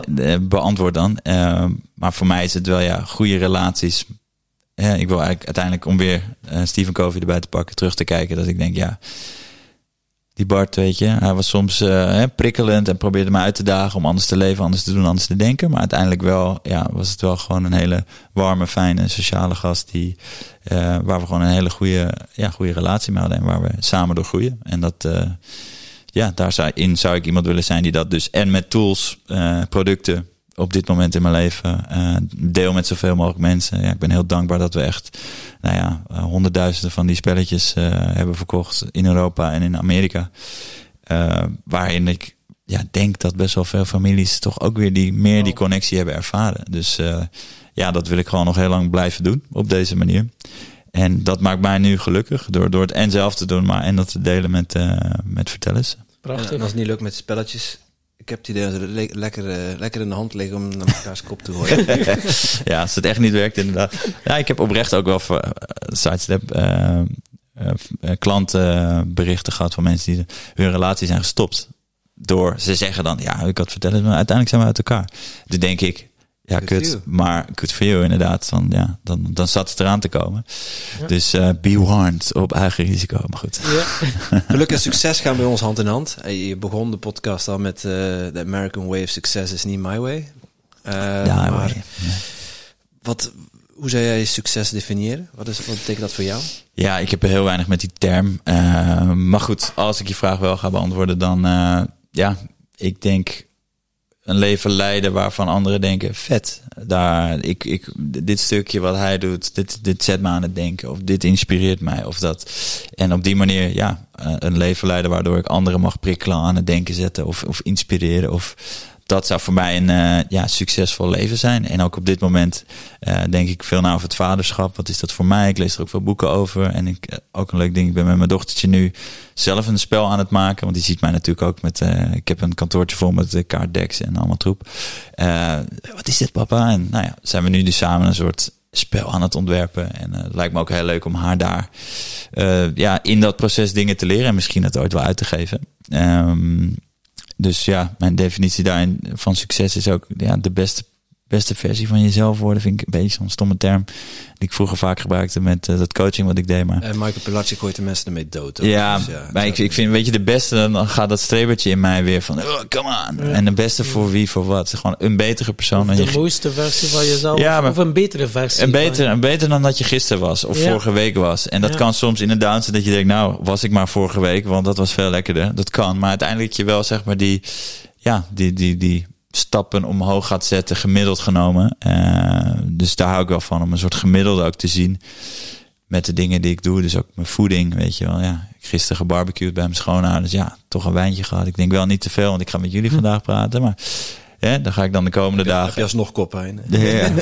oh, nou goed, in ieder geval mijn uh, lang antwoord voor... Uh, ja. En uh, je zei ook, ja, ik lees wel boeken. Wie zijn nou zo uw grootste inspiratiebronnen? Ja, uh, nou op dit moment, ik vind ja, boeken over spiritualiteit, om ze maar in een hokje te stoppen, tof. En dan vooral degene die dat zo simpel en mooi kunnen verwoorden, dat ik denk, ja, dit spreekt mij aan. Een daarvan is dus Michael Singer, die ik al noemde, vind ik heel tof. En een andere die ik, ja, misschien wat de tofste vind, is Anthony de Mello. Uh, die heeft een boek heet Bewustzijn. Hij heeft nog meer boeken. Uh, en dat is gewoon echt recht voor zijn raap, zonder filter. En uh, ja, ik hou er wel van. Dat zijn kleine talks van hem. ik vind Krishnamurti, ik weet niet of je die kennen, die is ook, die is wel lastiger qua materie. maar ook echt, hij heeft de, de Book of Life geschreven. Is 365 ja, verschillende talks of meditaties van hem. Of meditaties niet, maar gewoon inzichten. Uh, in een bepaalde volgorde. Ja, dat is, als je leest één boek, lees dat. En dat is misschien lastig in het begin. Ga hem tien keer lezen over je leven. Dat is gewoon het leven. Dat, je hoeft, meer hoef je in principe niet te doen. Um, dus die vind ik tof. En ik vind Eckhart Tolle ook, uh, die lees ik nu opnieuw. Heb ik nu op mijn nachtkastje. Kracht van het nieuw of de nee, nieuwe die, aarde? Ja, die, de, ja. de New Earth heb ik, uh, ja, ja, heb ik liggen. Dus dat zijn dan uh, op dit moment die ik nu... En ik hou er ook wel van om nou ja, Anthony de Mello een paar keer voor het slapen. En dan pak ik nu weer Eckhart. Uh, om daar, want ik hou wel van die, uh, de connectie. Oh, sorry. De connectie die ze allemaal hebben. Um, maar het op een eigen manier verwoorden. Dus ik hou er ook wel van om, nou ja, Michael Singer, toch een Amerikaanse achtergrond. En daar dingen dan van hem en, en psychologie en, en astrologie. En een Anthony de Mello, die dan, uh, nou ja, uh, meer uit, uit India, Krishnamurti, India. Dus om daar die verschillende inzichten van te zien. Maar ze zeggen eigenlijk allemaal een soort van hetzelfde. Maar de grap is, je kan het ook weer niet helemaal verwoorden. Want God, hm. als je te veel woorden aan gebruikt, dan, dan verlies je eigenlijk weer dat. Maar het is dus wel handig om van al die verschillende, nou ja, daar een beetje tussen te meanderen. En uh, ja. dat is wat ik nu veel doe. En we hadden uh, laatst nog Willem Glaudemans in uh, onze podcast, die er ook uh, met cursus en wonderen in van vertaald. Ja. Heb je daar al aan begonnen aan dat boek van nee, de 365 lessen? Nee, nee, niet aan begonnen. David de Kok is daar een onwijs fan ah, ja, van. En Giel, Giel ja, Belen. besteld, is dat in de kast. ja, ik, het schrikt mij een beetje af qua dikte. En ik, ik uh, en niet om uh, daarin. Uh, ik heb het gewoon niet gelezen, dus ik kan daar weinig over zeggen. Maar wel wat ik weet is dat een Eckhart Tolle en Michael Singer allemaal hetzelfde schrijven op hun manier. En zij spreken mij heel erg aan. Ook vooral bijvoorbeeld de Michael Singer en Eckhart Tolle. Het leest gewoon makkelijk. En ja, dan is het toch misschien wel... Uh, hè, ik hou wel van de, de, de, moeilijke weg kiezen. Maar met lezen, het moet leuk zijn. En, ja. en, en ik hou er ook van om een boek even weg te leggen... en dan weer het nieuws te pakken en zo. Ja. Dus, uh, ik ben met een nieuwe strategie begonnen. Ik zet ze in de kast. Ik bedoel, mijn boekenkast staat vol met, met boeken van onder andere onze, onze podcastgasten. Ja. Maar ik heb gewoon... Het is onmogelijk om ze allemaal te kunnen lezen. Dus nu uh, nieuwe strategie, gewoon een boek en dan s ochtends invoelen, dan trek er een uit en dan sla ik hem open en dan is dat de boodschap van ja, de cool. dag. Ja. ja. Iedere keer een ander boek en iedere keer een andere boodschap. En lees jij ze gewoon van, van kaf tot kaf? Of wat doe je als je ze leest? Uh, het is echt lang geleden dat ik een boek van kaf tot kaf heb gelezen. Sinds de geboorte van mijn zoon kom ik daar gewoon niet meer aan toe. Oké. Okay. Ja. Uh, maar net als Think and Grow Rich heb ik echt wel ja. Ja, zeker tien keer gelezen. Ja. Sommige boeken Ja, ja. Zo. En nu is het echt gewoon openslaan. En eh, Maar begin je dan ergens spontaan of wel aan het begin, zeg maar? als ik normaal een boek lees, dan, eh, dan zou ik... Mijn intuïtie is om, om het begin Ja, te oké. beginnen. Maar als je hem zo aanvoelt, dan pak je hem en dan Dan doe je hem open en dan lees je. Midden van een boek en dan Oh, ja. lees ik die, die bladzijde of die, dat hoofdstukje. En dan, Ja. dat is dan mijn boodschap. Ja. En dat, ja, het is heel bizar, maar dat werkt echt Ja, fantastisch. Nou ja, Ja, wa- ja. wat mijn strategie ook is, als ik ook een nieuw boek heb, Nooit gedacht, ja. Ik ga vaak de, de, in, de, inleiding, de hoofdstukken. Vaak de eerste is allemaal van, kijk hoe geweldig ik ben. Waarom ik dit eh, kom jou, jou kom vertellen. Da, da, da. En dan komt de boodschap. En dan bouwt het vaak af naar, misschien heb ik nog een bestseller geschreven. Niet allemaal. Eh, dus dat middenstukje, ja, als je dat gewoon leest, dan heb je de, de essentie van zo'n boek al. En dan ben je niet dagen bezig. Ja. Dus ja. Ah ja, is dat eh, jouw nieuwe strategie? Nou, Die ligt eraan. Dus, zo- en Krishnamurti met die 365 doe ik dat niet, want Ja. dan is gewoon iedere pagina is goud. Ehm, maar meestal met een beetje de self-help eh, boeken of de business boeken kan je heel veel overslaan. Daar ben ik wel achter. ja, dus dat eh, dit is om te zonder om dat van kaf tot kaf te gaan lezen, want het gaat vaak om één dingetje. Of Ja, ja, maar slechter voor de succesverhalen allemaal. En, ja, maar ja, het is allemaal gewoon een beetje fluff om 200 pagina's te halen, waarin de boodschap eigenlijk in een blogartikel kan. Ja, maar ja, ze willen toch een boek verkopen, want het staat ook wel cool. En, en er zit ook wel een wijsheid in, maar dat... eh, blijft jouw boek? Wat zeg je? Wat blijft jouw boek? Ja, een goede vraag. Ik eh, roep eigenlijk al zeven jaar dat ik een boek aan het schrijven ben. Wat ik ook ben. Alleen eh, de laatste vijf jaar pff, heel weinig.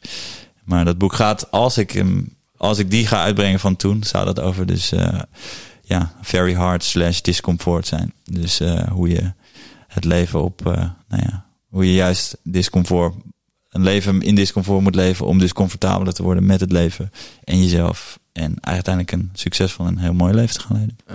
Mooi. Jij mag nog een vraag bedenken voor onze volgende gast. We weten nog niet wie dat is. Oké. Als we het wel zouden weten, mocht je het nog niet weten. Wat zeg je als? Als we het wel zouden weten, mocht je het ook niet weten. Nee, Nee, oké, oké, oké, ja, helaas. Ik denk, eh, ja, wat, eh, ik ben natuurlijk een wandelende vragenfabriek, soort van. Ehm, nou ja, misschien wel leuk. Ehm, wat is een kernwaarde van jou waar jij het meeste in zou willen groeien? Zoiets is dat, ja. Ja. Misschien wel leuk. Even wat anders dan eh, hoe ga je succes dan de grootste en de beste worden? Mooie vraag. Dus dat? Je mag hem zelf ook beantwoorden dan. Oh shit. Ik ben benieuwd. Had dat nou eerder gezegd? Dan had ik hem Ja, dat is altijd een verrassing. Kernwaarde waar ik het meest in zou groeien. Ja, ehm, ik denk voor mij is wat ik eerder liet vallen. We hebben dus ook met Vertellers een kernwaardespel uitgebracht. En eh, ik vind het heel interessant om toch wel die tools van wat zijn dan de kernwaarden en wat past dan bij jou. En daar krijg je toch wel een bepaald inzicht in. Eh een ervan is dus mijn, denk ik, een van mijn grootste drijfveren of kernwaarden waar ik het meeste beslissingen wel op maak, is vrijheid. En waar ik wel in ben gegroeid, mede door die spirituele boeken, is nou ja, niet vrijheid hebben om dingen te doen. Ik moet reizen, ik moet backpacken, ik moet een bedrijf beginnen, bla bla bla. Oh, kut, ik heb een kind, dus ik kan nu. Maar de vrijheid om van binnen, dus heel vrij te zijn met, weet je, ja, de, de, de, de, de peace, de, de vrede te hebben van binnen. Dus dat is nu mijn zoektocht in vrijheid om ja, mezelf vrij te maken van oh, dit vind ik wel leuk, dit vind ik niet leuk. Je, eh, ja, je concepten, je overtuigingen, die, ja, waarom heb ik die? En waar komen die vandaan? En ja, dat eigenlijk te, te verliezen of te, te verminderen. Ken je Paul de Blot? Nee. Eh, die is inmiddels overleden helaas. Eh, die is al een mooie leeftijd ge, ge, dus op een mooie leeftijd gegaan. Eh, Dirk Oliebrand vertelde erover en ik heb ook een podcast met hem gehoord met, met Thijs Lindhout. Mhm. Twee keer in een concentratiekamp gezeten. Het enige wat ze me niet kunnen afpakken is mijn vrijheid. Ja, ja. Victor Frankl ben ik ook eh, groot fan van het boek. eh. Ja, mooie, Goeie. eh, mooie bron denk ik voor jou. Is dat een, heeft hij een boek geschreven? Of, podcast in ieder weet ik geval. niet. Oh ja, cool. Nou, thanks. Ik ga, In ieder geval een inspirerende... ja, leuk. podcast met Thijs Lindhout. Ja, dat kan ik me ook nog herinneren. Ja. Hij is denk ik wel 95 of wat hè? is die toch? eh, worden. Ja. Ja, zoiets. Ja. Ja, sowieso interessant. Die mensen, die Edith Eager ook. En dan heb je, die heeft ook een concentratiekamp overleefd. Mhm. Victor Frankl natuurlijk, die kennen, Ja, ja. ken je wel. Ja, Mooi. interessant. En een met concentratiekamp. Wauw, hoe mooi kan het zijn? uniek, alles uniek. Nou, thanks. Leuk. Eh, Dankjewel, als Bart. mensen iets, eh, ja, eh, jou nog niet zouden kennen, waar kunnen ze die fantastische kaarten eh, Ja. en eh, inspiratie eh in de- bestellen in de of journal, kopen? de Of, zelfreflectie. Ja, ja. Nee, ja. Ik zal een korte pitch doen. Ik, eh, wat misschien ook wel nog niet verteld, maar ik heb geen Instagram zelf. Ik doe social media, probeer ik. ja, je grootste goed is denk ik je aandacht. Ik zie dat ook vaak bij ouders eh, die dan op de telefoon met een kind zitten. denk ik, wow, niet doen. Anyway, ehm, dus daar ben ik niet te vinden. Eh, vertel is, is wel overal te vinden. Eh, dus je kan vertel eens gewoon zoeken eh, online. En uh, vertellis.nl is onze website. Dat is heel makkelijk. Wat ik zelf, als je met mij in contact wil komen, wat ik zelf heel leuk vind, is eh, schrijf je vooral in voor de Vertel eens Vrijdagvraag. Dat is gratis. Uh, iedere week stuur ik dus uh, nou, een goede prikkelende vraag over een bepaald thema waar ik over nadenk of heb gelezen of uh, in een gesprek heb, uh, heb gezien. Um, en reageer ik ook op de mensen die daarop reageren naar mij. Dus dat is denk ik ook leuk als je, als je deze podcast leuk vond. Ja, en verder houdt ons in de gaten. We hebben heel veel producten, dagboeken, uh, nou, meerdere kaartspellen voor meerdere versies. Kernwaardespel, affirmatiedek. En de komende maanden gaan we nieuwe spellen uitbrengen. Onder andere voor familieopstellingen. Uh, nieuw deck voor, voor power couples. En uh, nou ja, nog andere decks met bepaalde thema's waarvan ik denk dat ja, openheid, eerlijkheid, bijvoorbeeld eentje over het verlies van uh, dierbaren, eentje over liefdesverdriet. Dus we gaan, we gaan nu ook wat meer wat thema's waarin we denken, hé, hey, deze quotes, deze, nou ja, je merkt al, ik ben een redelijk wandelende quotefabriek ook. Uh, maar dat zijn wel kleine wijshe wijsheden die je op een bepaalde nou, denkpatroon kunnen brengen waar je misschien ja. zelf niet echt bij kwam. Dus dat, dat ja, de magie van een goede vraag en een goede kaart uh, kan je daarbij helpen. Dus vind je dit leuk, dan zou ik zeggen vertel eens.nl, vertel eens vrijdag vragen en uh, Instagram en Facebook. Daar en abonneer je op de Tim Top podcast. Ja. Zeker doen, zeker doen. Mooi, dankjewel Bart. Was Jullie ook heel leuk. Nice. We gaan het op de voet volgen, want er gaat nog heel veel moois aankomen. Ja, cool. Ik. Ja. Thanks. En jij natuurlijk ook super bedankt om te luisteren naar deze podcast. Voel jij je geïnspireerd? Je zou ons een enorm plezier doen door ons 5 sterren te geven of een review achter te laten in jouw favoriete podcast-app. En wil je geen enkel inspiratiemoment missen? Abonneer je dan op onze podcast of volg ons op social media at Tim Tom Podcast. Oké, okay, dan moet je ook terug aan de Tom.